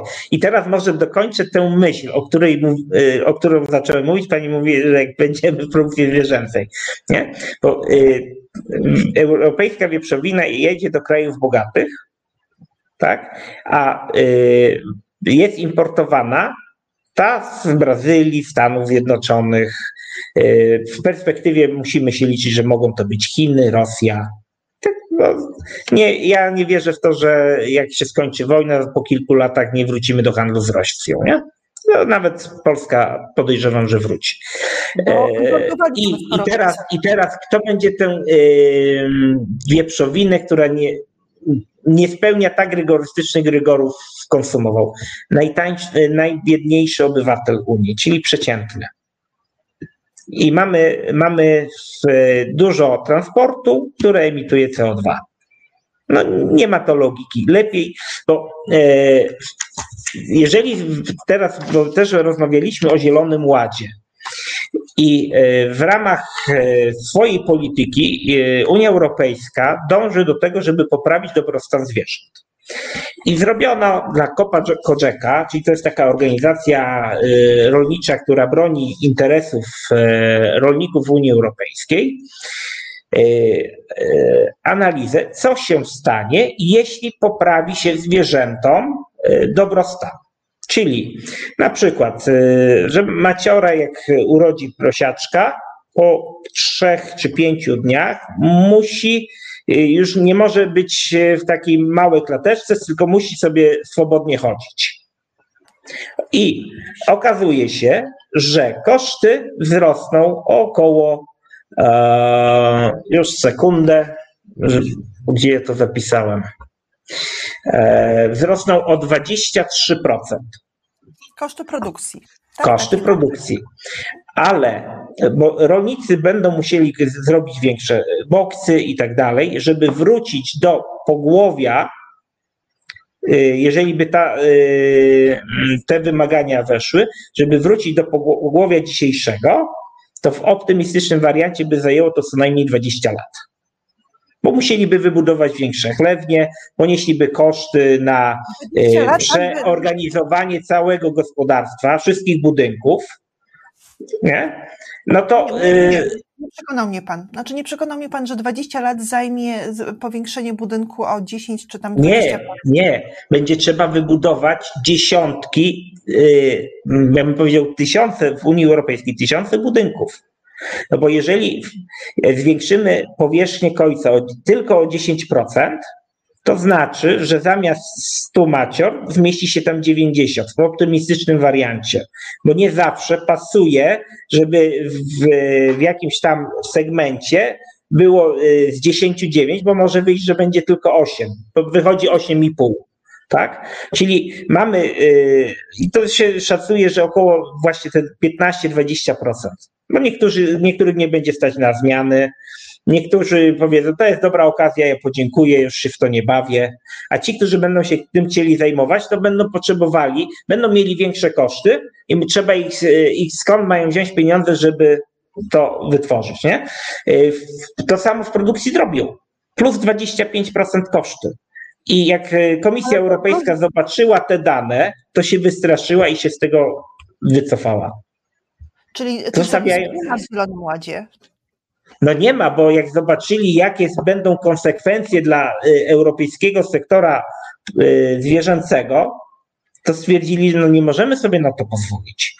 Czyli a, czy w ogóle Zielony Ład zawiera jakieś, e, jakieś e, ograniczenia, czy jakieś zapisy dotyczące dobrostanu zwierząt hodowlanych? Nie, no to jest, to jest inny jakby obszar. To jest inny obszar. Dobrostan to jest e, osobny obszar, w którym Unia Europejska daje pewne wymagania, jak ta produkcja zwierząt ma się odbywać. Okej, okay, to, to może nawet nie w ramach Zielonego Ładu, tylko jakiegokolwiek innego dokumentu, który jakby, który się tym zajmuje? Czy są jakieś. Tak, ale, ale to się wpisuje jakby w tą politykę ekologizacji. Nie? Y, bardzo fajnie na przykład mówi się, y, kurczaki powinny być na świeżym powietrzu. Tak? Tylko problem w tym, że jak jakaś kaczuszka poleci i, i zrobi swoją potrzebę na teren, gdzie kurczaki biegają, może być ptasia grypa, całe stado jest zlikwidowane. Jeżeli e, na obszarach, e, no bo chcielibyśmy ekologiczną wieprzowinę, w Polsce na większości e, terenu już jest to niemożliwe, no bo mamy afrykański pomór świń. Jeżeli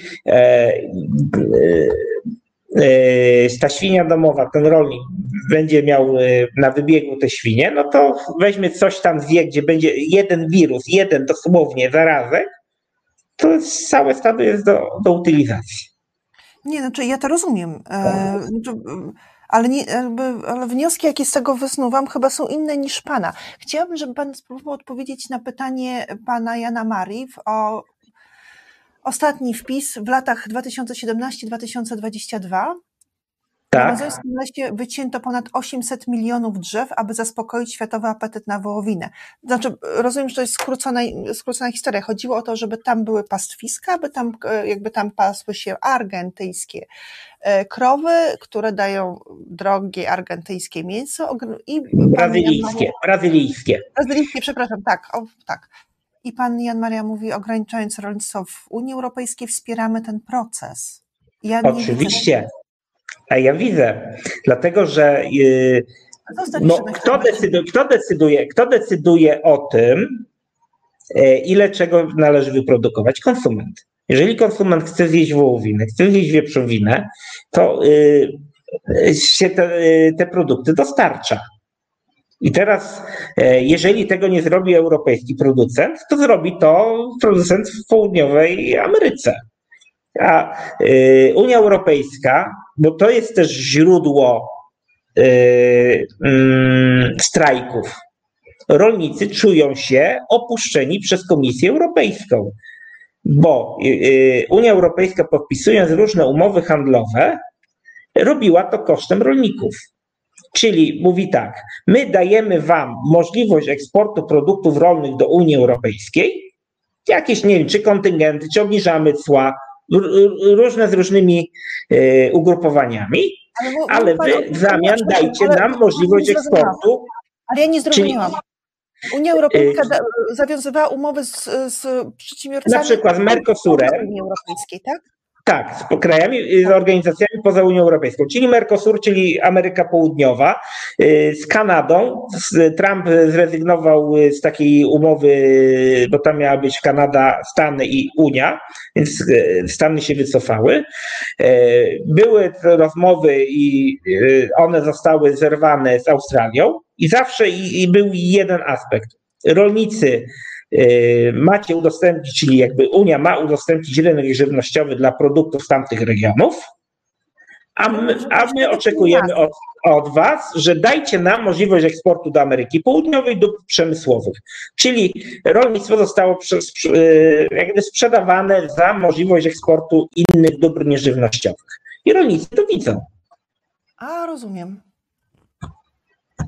I z Australią się, y, bo pojawiły się spore strajki rolników, jak miała być podpisywana umowa z Australią i na szczęście Unia Europejska się z tego porozumienia wycofała, bo byłoby dokładnie to samo.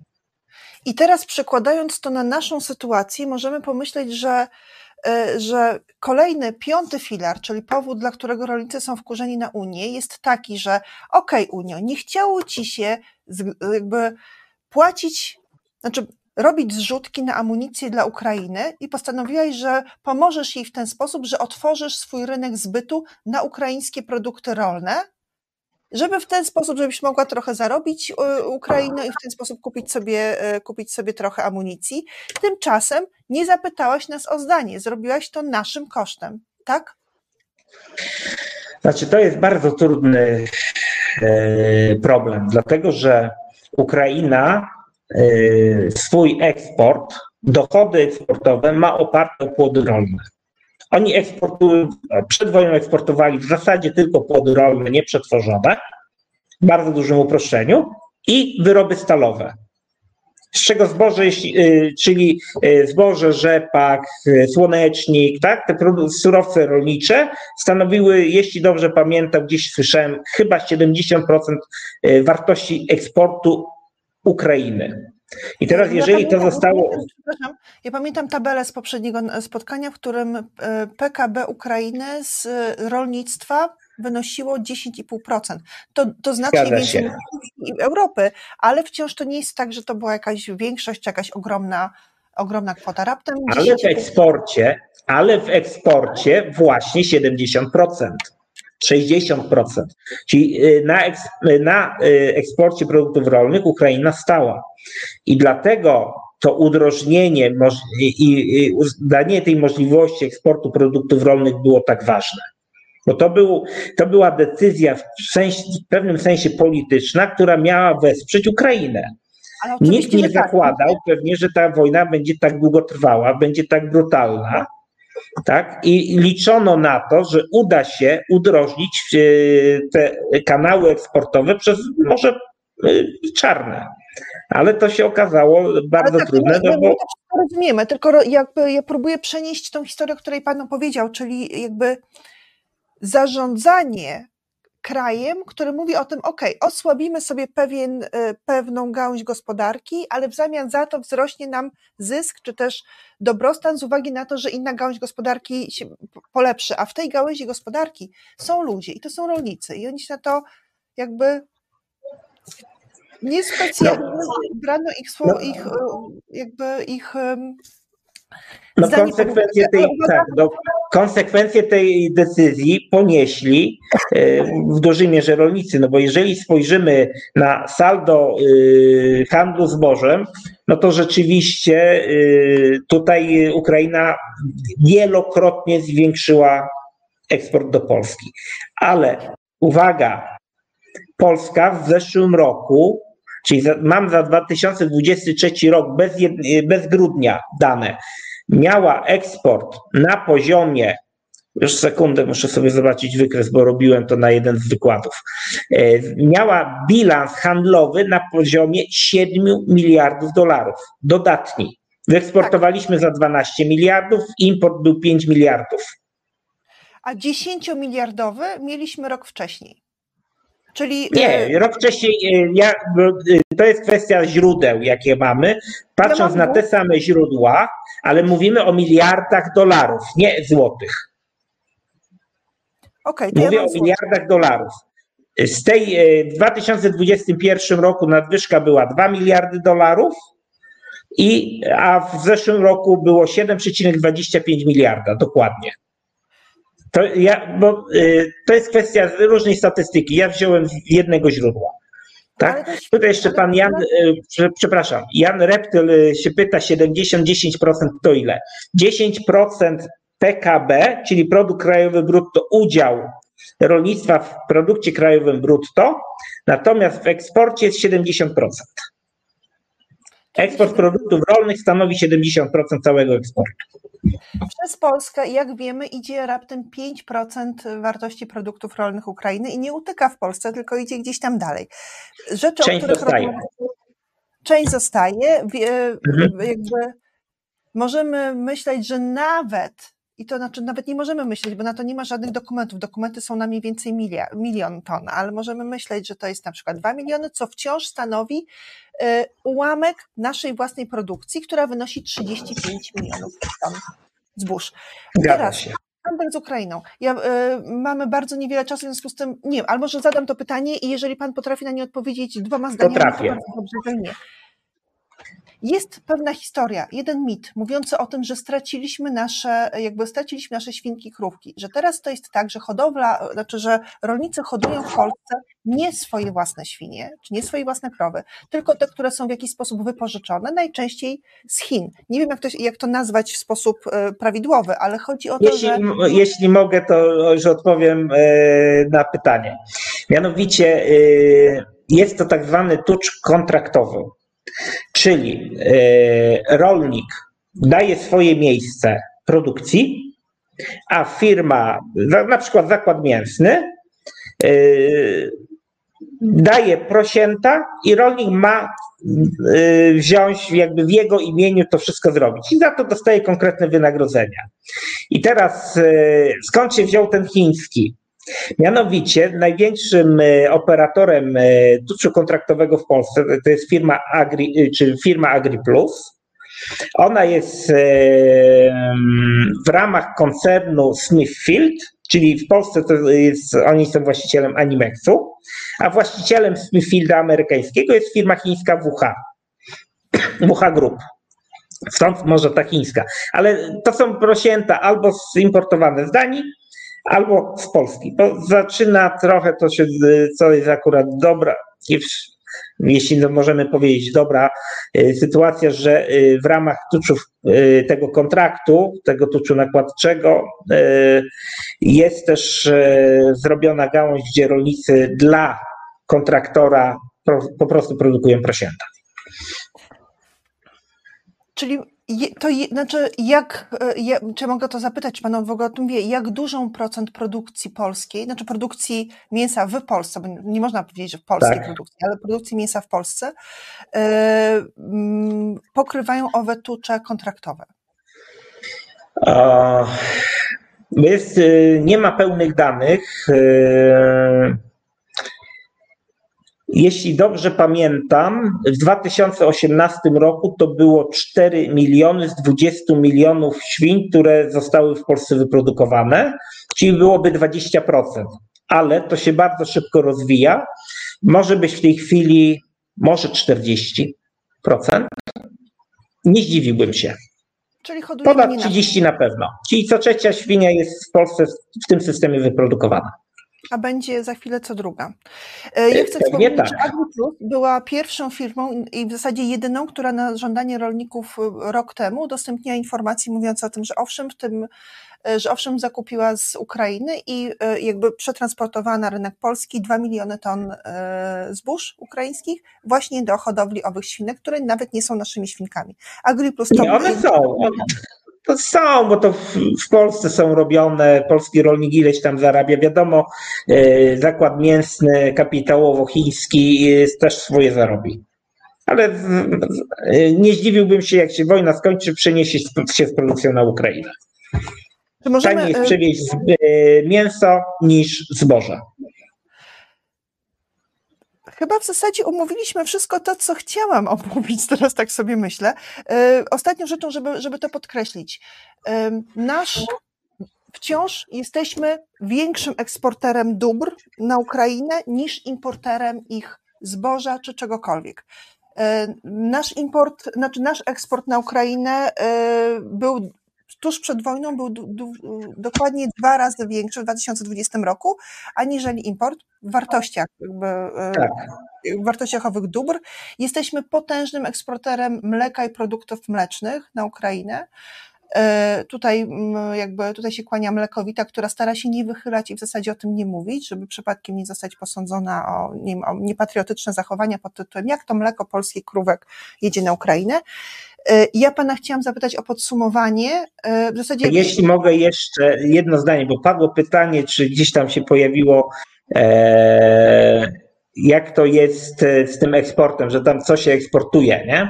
Do, do Ukrainy. Mianowicie paliwa to jest 2 miliardy dolarów, pojazdy 900 milionów dolarów, sprzęt wojskowy 850, y, przepraszam, to są złotówki.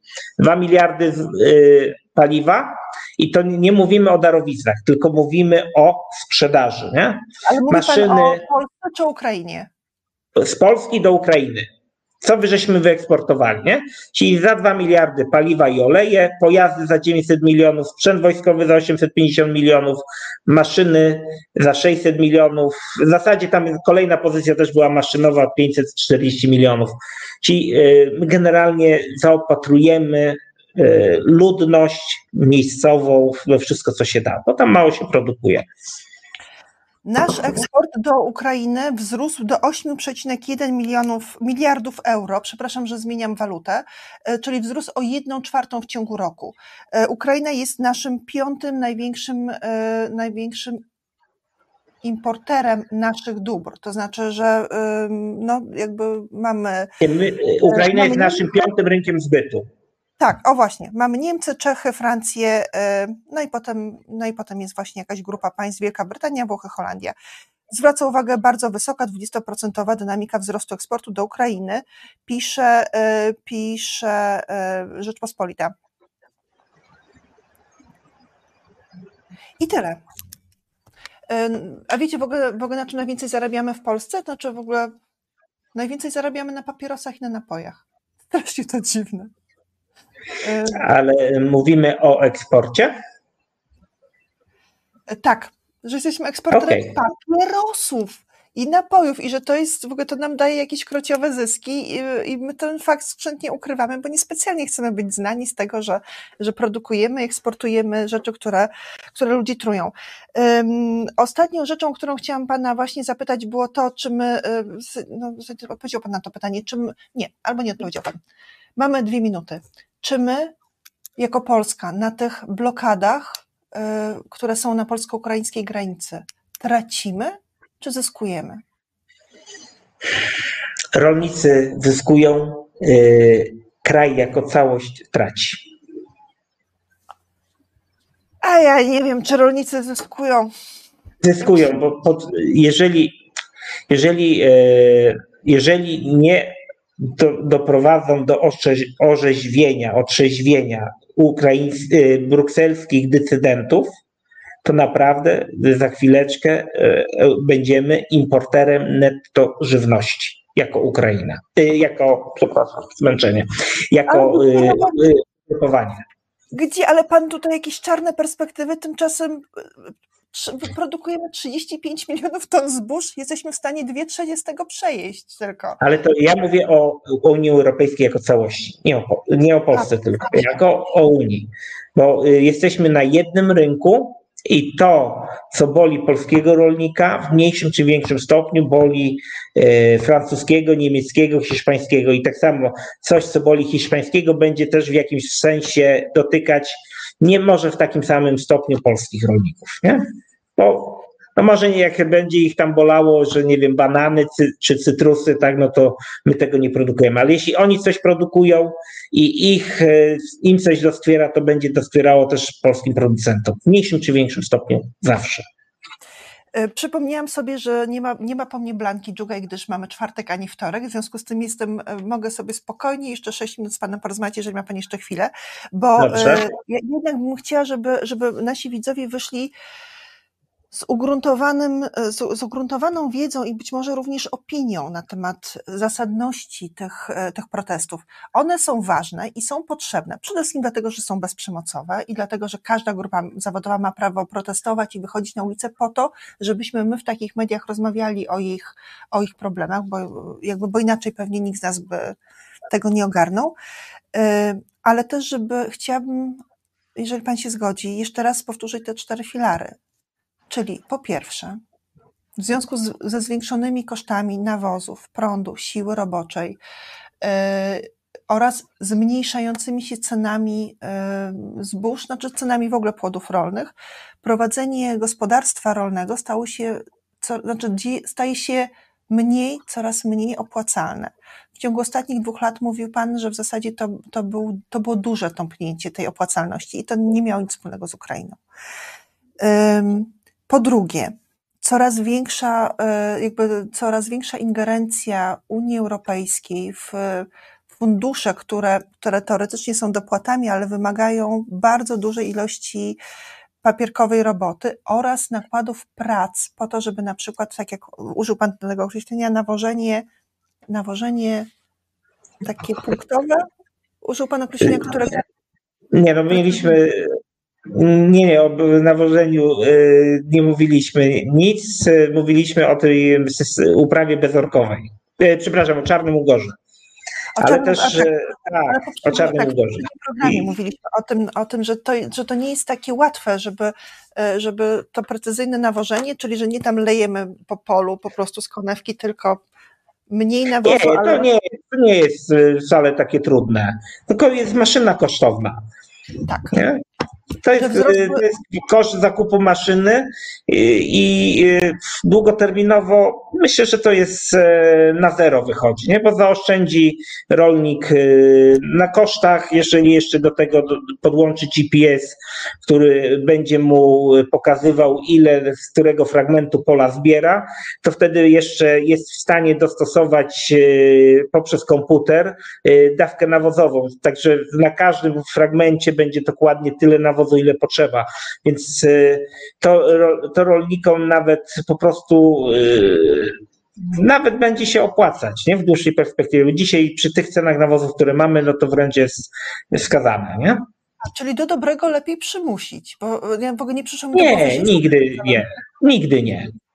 Zwłaszcza polskiego rolnika, bo jak ja bym panią zaczął do czegoś przymuszać, to przepraszam, pani też by koniem, okoniem stanęła, nie? I, e, i polski rolnik tym bardziej. Ale w ogóle nie sądziłam, że jest taka technologia, że za pomocą GPS-u sprawdza się położenie traktora i areał, na którym się akurat pracuje, czy, czy na który się jakoś zasila. Tak, jeżeli się weźmie, jeżeli się weźmie ten najbardziej precyzyjny system GPS, to jest kwestia dokładności, nie pamiętam, 3 albo 5 centymetrów. E, kombajn zbożowy na przykład ma wagę, więc e, poprzez GPS jest lokalizacja tego kombajnu, jest e, wiadomo ile, w którym momencie tego zboża się zbiera i robi się mapa. Później tą mapę się nakłada, można jeszcze zrobić z mapy zasobność e, składniki pokarmowe. Dzisiaj mamy drony, więc dronem możemy sprawdzić, e, są do tego już stworzone specjalne aplikacje, że mam, e, dron sobie leci, patrzy jaka jest kolor zieleni i na bazie tego już widzi, tu, ile tutaj trzeba dodać, ile tam trzeba dodać nawozu, czy Ale w jakim miejscu nie trzeba. Gospodarstwo powyżej 50 hektarów, żeby jeszcze na dron starczyło, nie? E, tak, e, ta technologia jest stosunkowo droga, więc na nią stać tych większych, nie?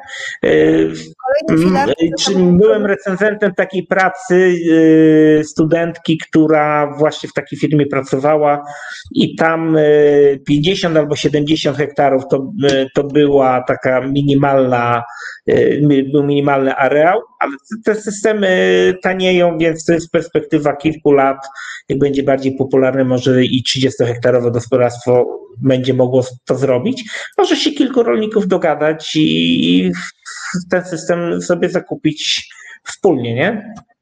I kolejnym elementem, kolejnym tym, czy jakby czwartą kolumną gniewu było to 4% na ugorowanie i o ile, o ile się dobrze orientuję, to jest to problem, znaczy to jest to gniew wspólny, to znaczy, że akurat to ugorowanie dotyczyło nie tylko Polski, ale również... Tak, wszystkich krajów wszystkich tak, krajów. Francji, w związku z tym, jak, jak oglądałam sobie różne protesty, starając się sprawdzić, gdzie jest ten komponent ukraiński, znalazłam go wyłącznie w Polsce, niestety. E, będzie, będzie również w, e, w Rumunii, w Słowacji, na Węgrzech. Państwa graniczne mają wszystkie ten sam problem. No okay. bo najtaniej jest e, przy granicy wziąć i sprzedać. Tak? tak, czyli, czyli z jednej strony fajnie, no bo wszystkie e, przedsiębiorstwa przetwórcze oraz hodowlane mają taniej, w związku z tym taniej, tańsze będzie mięsko, tańsze będą dżemy, etc., ale z drugiej strony rolnicy będą mieli gorzej na tym elemencie. Ale jeszcze taki... jedno zdanie powiem, y, bo to jest też dla, szansa dla polskiego rolnictwa i nie tylko polskiego, bo Hiszpanie zbudowali potęgę świńską na importowanym zbożu z Ukrainy. Dlatego mi nie pasuje tylko ten y, milion ton przed wojną, który był importowany, bo y, Ukraina, y, Hiszpania jest dużym importerem zbóż i Polska też może na tym zarobić, przerabiając ukraińskie zboże. tylko to mamy kolejne fermy trzody, drobiu i tak dalej. Bo jeśli my tego nie zrobimy, to powstanie na Ukrainie. Zboża na wódkę. Ale to już chyba kiedyś było, że Polska była świetnym eksporterem wódki, aż przestała. No bo nie ma y, teraz y, y, w dniu wybuchu wojny, chyba jeśli dobrze pamiętam, Maspex zakupił sobie Sobieskiego chyba. E, czyli jest no, część marek alkoholowych wróciła w polskie ręce. To gdzieś tak, nie pamiętam teraz, wydaje mi się, że Sobieski pan Tadeusz jest w tej chwili polski. Nie pije wódek, więc nie wiem. I to wszystko, te trzy, te trzy filary na razie omówione, wystarczyły, żeby w tym roku e, wyszli na ulicę rolnicy właśnie z Europy Środkowej i Zachodniej, która niespecjalnie tutaj graniczy w, w, z Ukrainą. My do tego mieliśmy potężny komponent, czyli ukraińskie zboże nie tyle ukraińskie zboże, ile załamanie cen, e, cen zboża z uwagi na to, jak tymi cenami pogrywała Rosja, sprzedając ukraińskie zboże, które ukradła o jedną trzecią taniej na rynki europejskie i na rynki światowe. Plus, plus e, jeszcze, bo to jakby w skrócie, plus dobre zbiory i plus niestety inflacja, która zmniejszyła konsumpcję. Otóż niestety. Ja bym to w ogóle zamknęła, gdyby nie to, że pan Jan Reptyl, który zadał nam w ogóle kilka fajnych pytań, zadał to pytanie jeszcze raz. I to było pytanie, jak się ma przetwórstwo rolne w Polsce? E, czy mógłby pan o tym opowiedzieć, jeżeli pan o tym wie, bo wiem, że pan więcej wie o hodowli to znaczy, e, nie, nie mam tutaj żadnych informacji, ale też nie ma jakichś e, mm, informacji, że ma rewelacyjnie dobrze albo rewelacyjnie źle. To zawsze jeżeli ceny produktów rolnych zdrożały, nie były w stanie w pełni przenieść e, swoich e, cen na konsumentów, w związku z powyższym ich opłacalność się pogorszyła.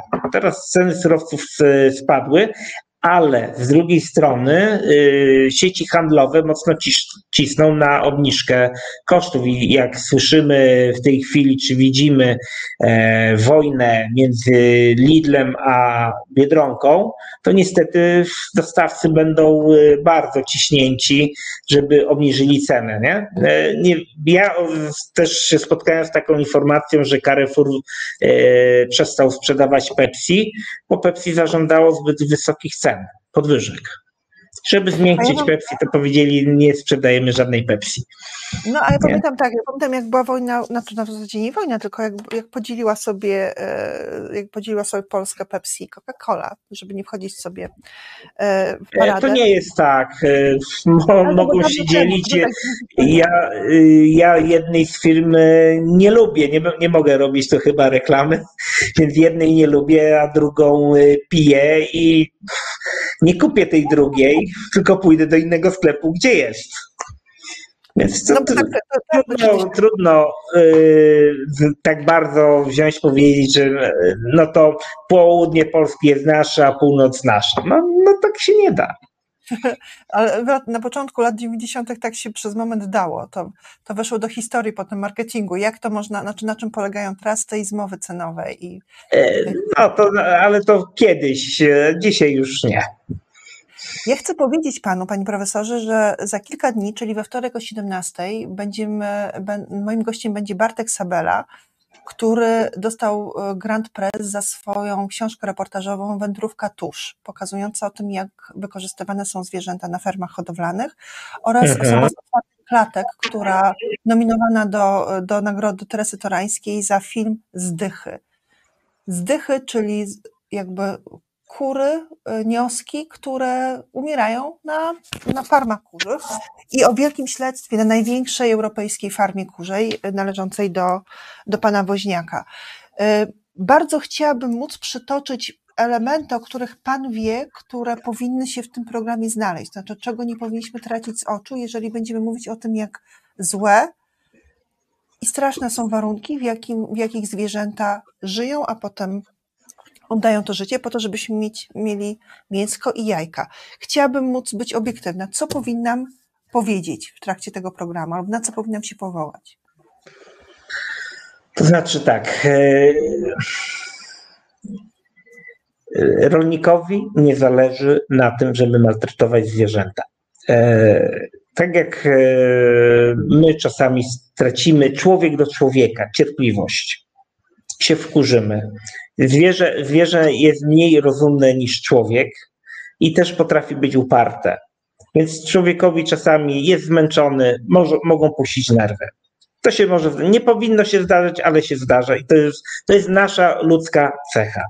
Ale rolnicy, y, jeżeli będą utrzymywali zwierzęta w złych warunkach, to oni po prostu stracą. Rolnikowi nie zależy na tym, żeby te, kur, te kury zdychały. Jest być może, jest na coś chora, nie może podać leku, więc ona po prostu umiera. Gdybyśmy my nie brali leków, to proszę mi wiedzieć, że za ile? Za pół roku może jest nas połowa? Więc a jeżeli wznosi jajka, to tej kurze nie może podać leku, więc siłą rzeczy ileś ich umiera. I wbrew pozorom nie jest ich tak dużo. Jeżeli jest e, milion, nie, nie znam e, ilości zwierząt w kurnikach, tak? ale jeśli jest milion zwierząt i w przeciągu roku yy, 2%, bo podobno tyle ginie, tak? No, no to jest 20 tysięcy. Do 9. No, czyli do, do 9, nie? W przeciągu roku. To jest 90 tysięcy. No, ale jeżeli weźmie, wyjedzie ta taczka yy, z tymi truchłami, no to ona robi wrażenie. Tylko w ilości zwierząt, które tam są, to nie są duże ilości. Bo gdyby tego dużo y, zdychało, to proszę mi wiedzieć, byłoby bardzo, bardzo źle. To by zbankrutował ten rolnik. Nie? E, y, jeśli chodzi o, o te warunki, to co, to co już y, pani wspominałem, nie? że jeżeli będziemy bardzo zaostrzać warunki, to e, nie będziemy jeść e, dobrej europejskiej wieprzowiny, tylko przyjedzie e, z innych rejonów, gdzie te warunki utrzymania są dużo gorsze, standardy weterynaryjne dużo niższe.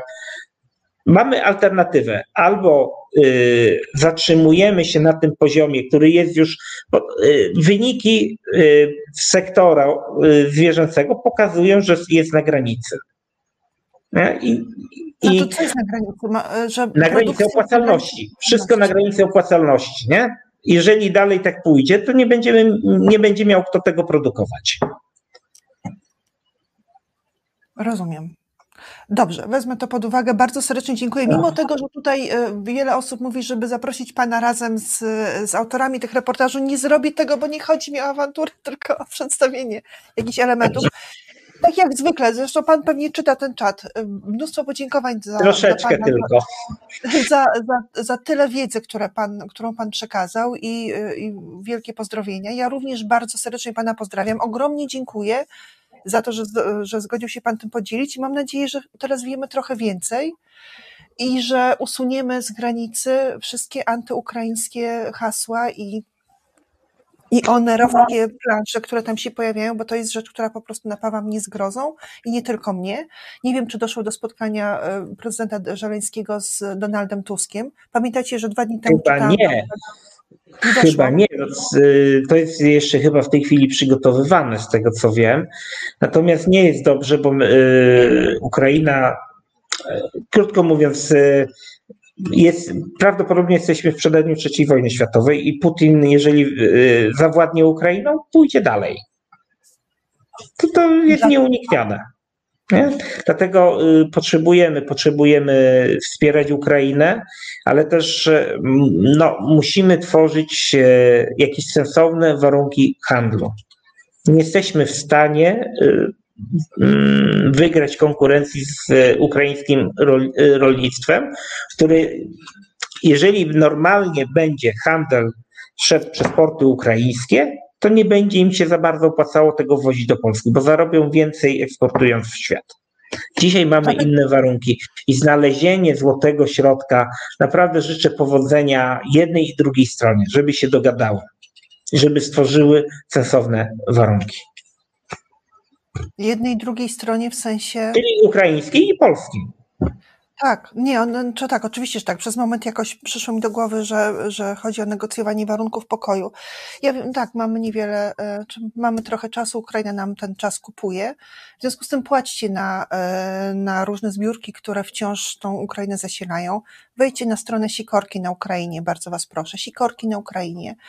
E, I zobaczcie, co robią koledzy, którzy którzy wciąż dostarczają tam na pierwszą linię frontu rzeczy, które można tam dostarczyć. Czyli z pominięciem tych wielkich baz i z pominięciem tych centrów handlowych, gdzie te rzeczy giną i utykają, po prostu dostarczają je tam, gdzie chłopcy o imieniach i nazwiskach biorą je do ręki, nakładają na siebie.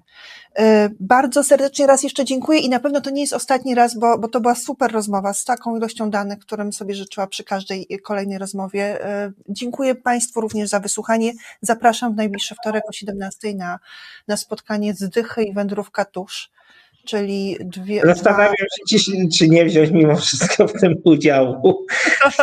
Nie jestem człowiekiem, który bije pianę, więc żeby był, był też argument z drugiej strony, żeby to nie było jednostronne widowisko. Tak, to, to porozmawiamy o tym, bo to nie chodzi tylko o to, żeby pat, patować elementami cierpienia, ale również sprawić, czy to jest na pewno potrzebne i potrzebne i czy to jest opłacalne i y, jakby jak potraktować hodowców. Przecież nie możemy myśleć o tym, że, są, że to są zbrodniarze. Dostarczają nam coś, czego chcemy. Mięsa. I ominięcie będzie w, we wtorek. Jeszcze raz dziękuję. Dziękuję bardzo.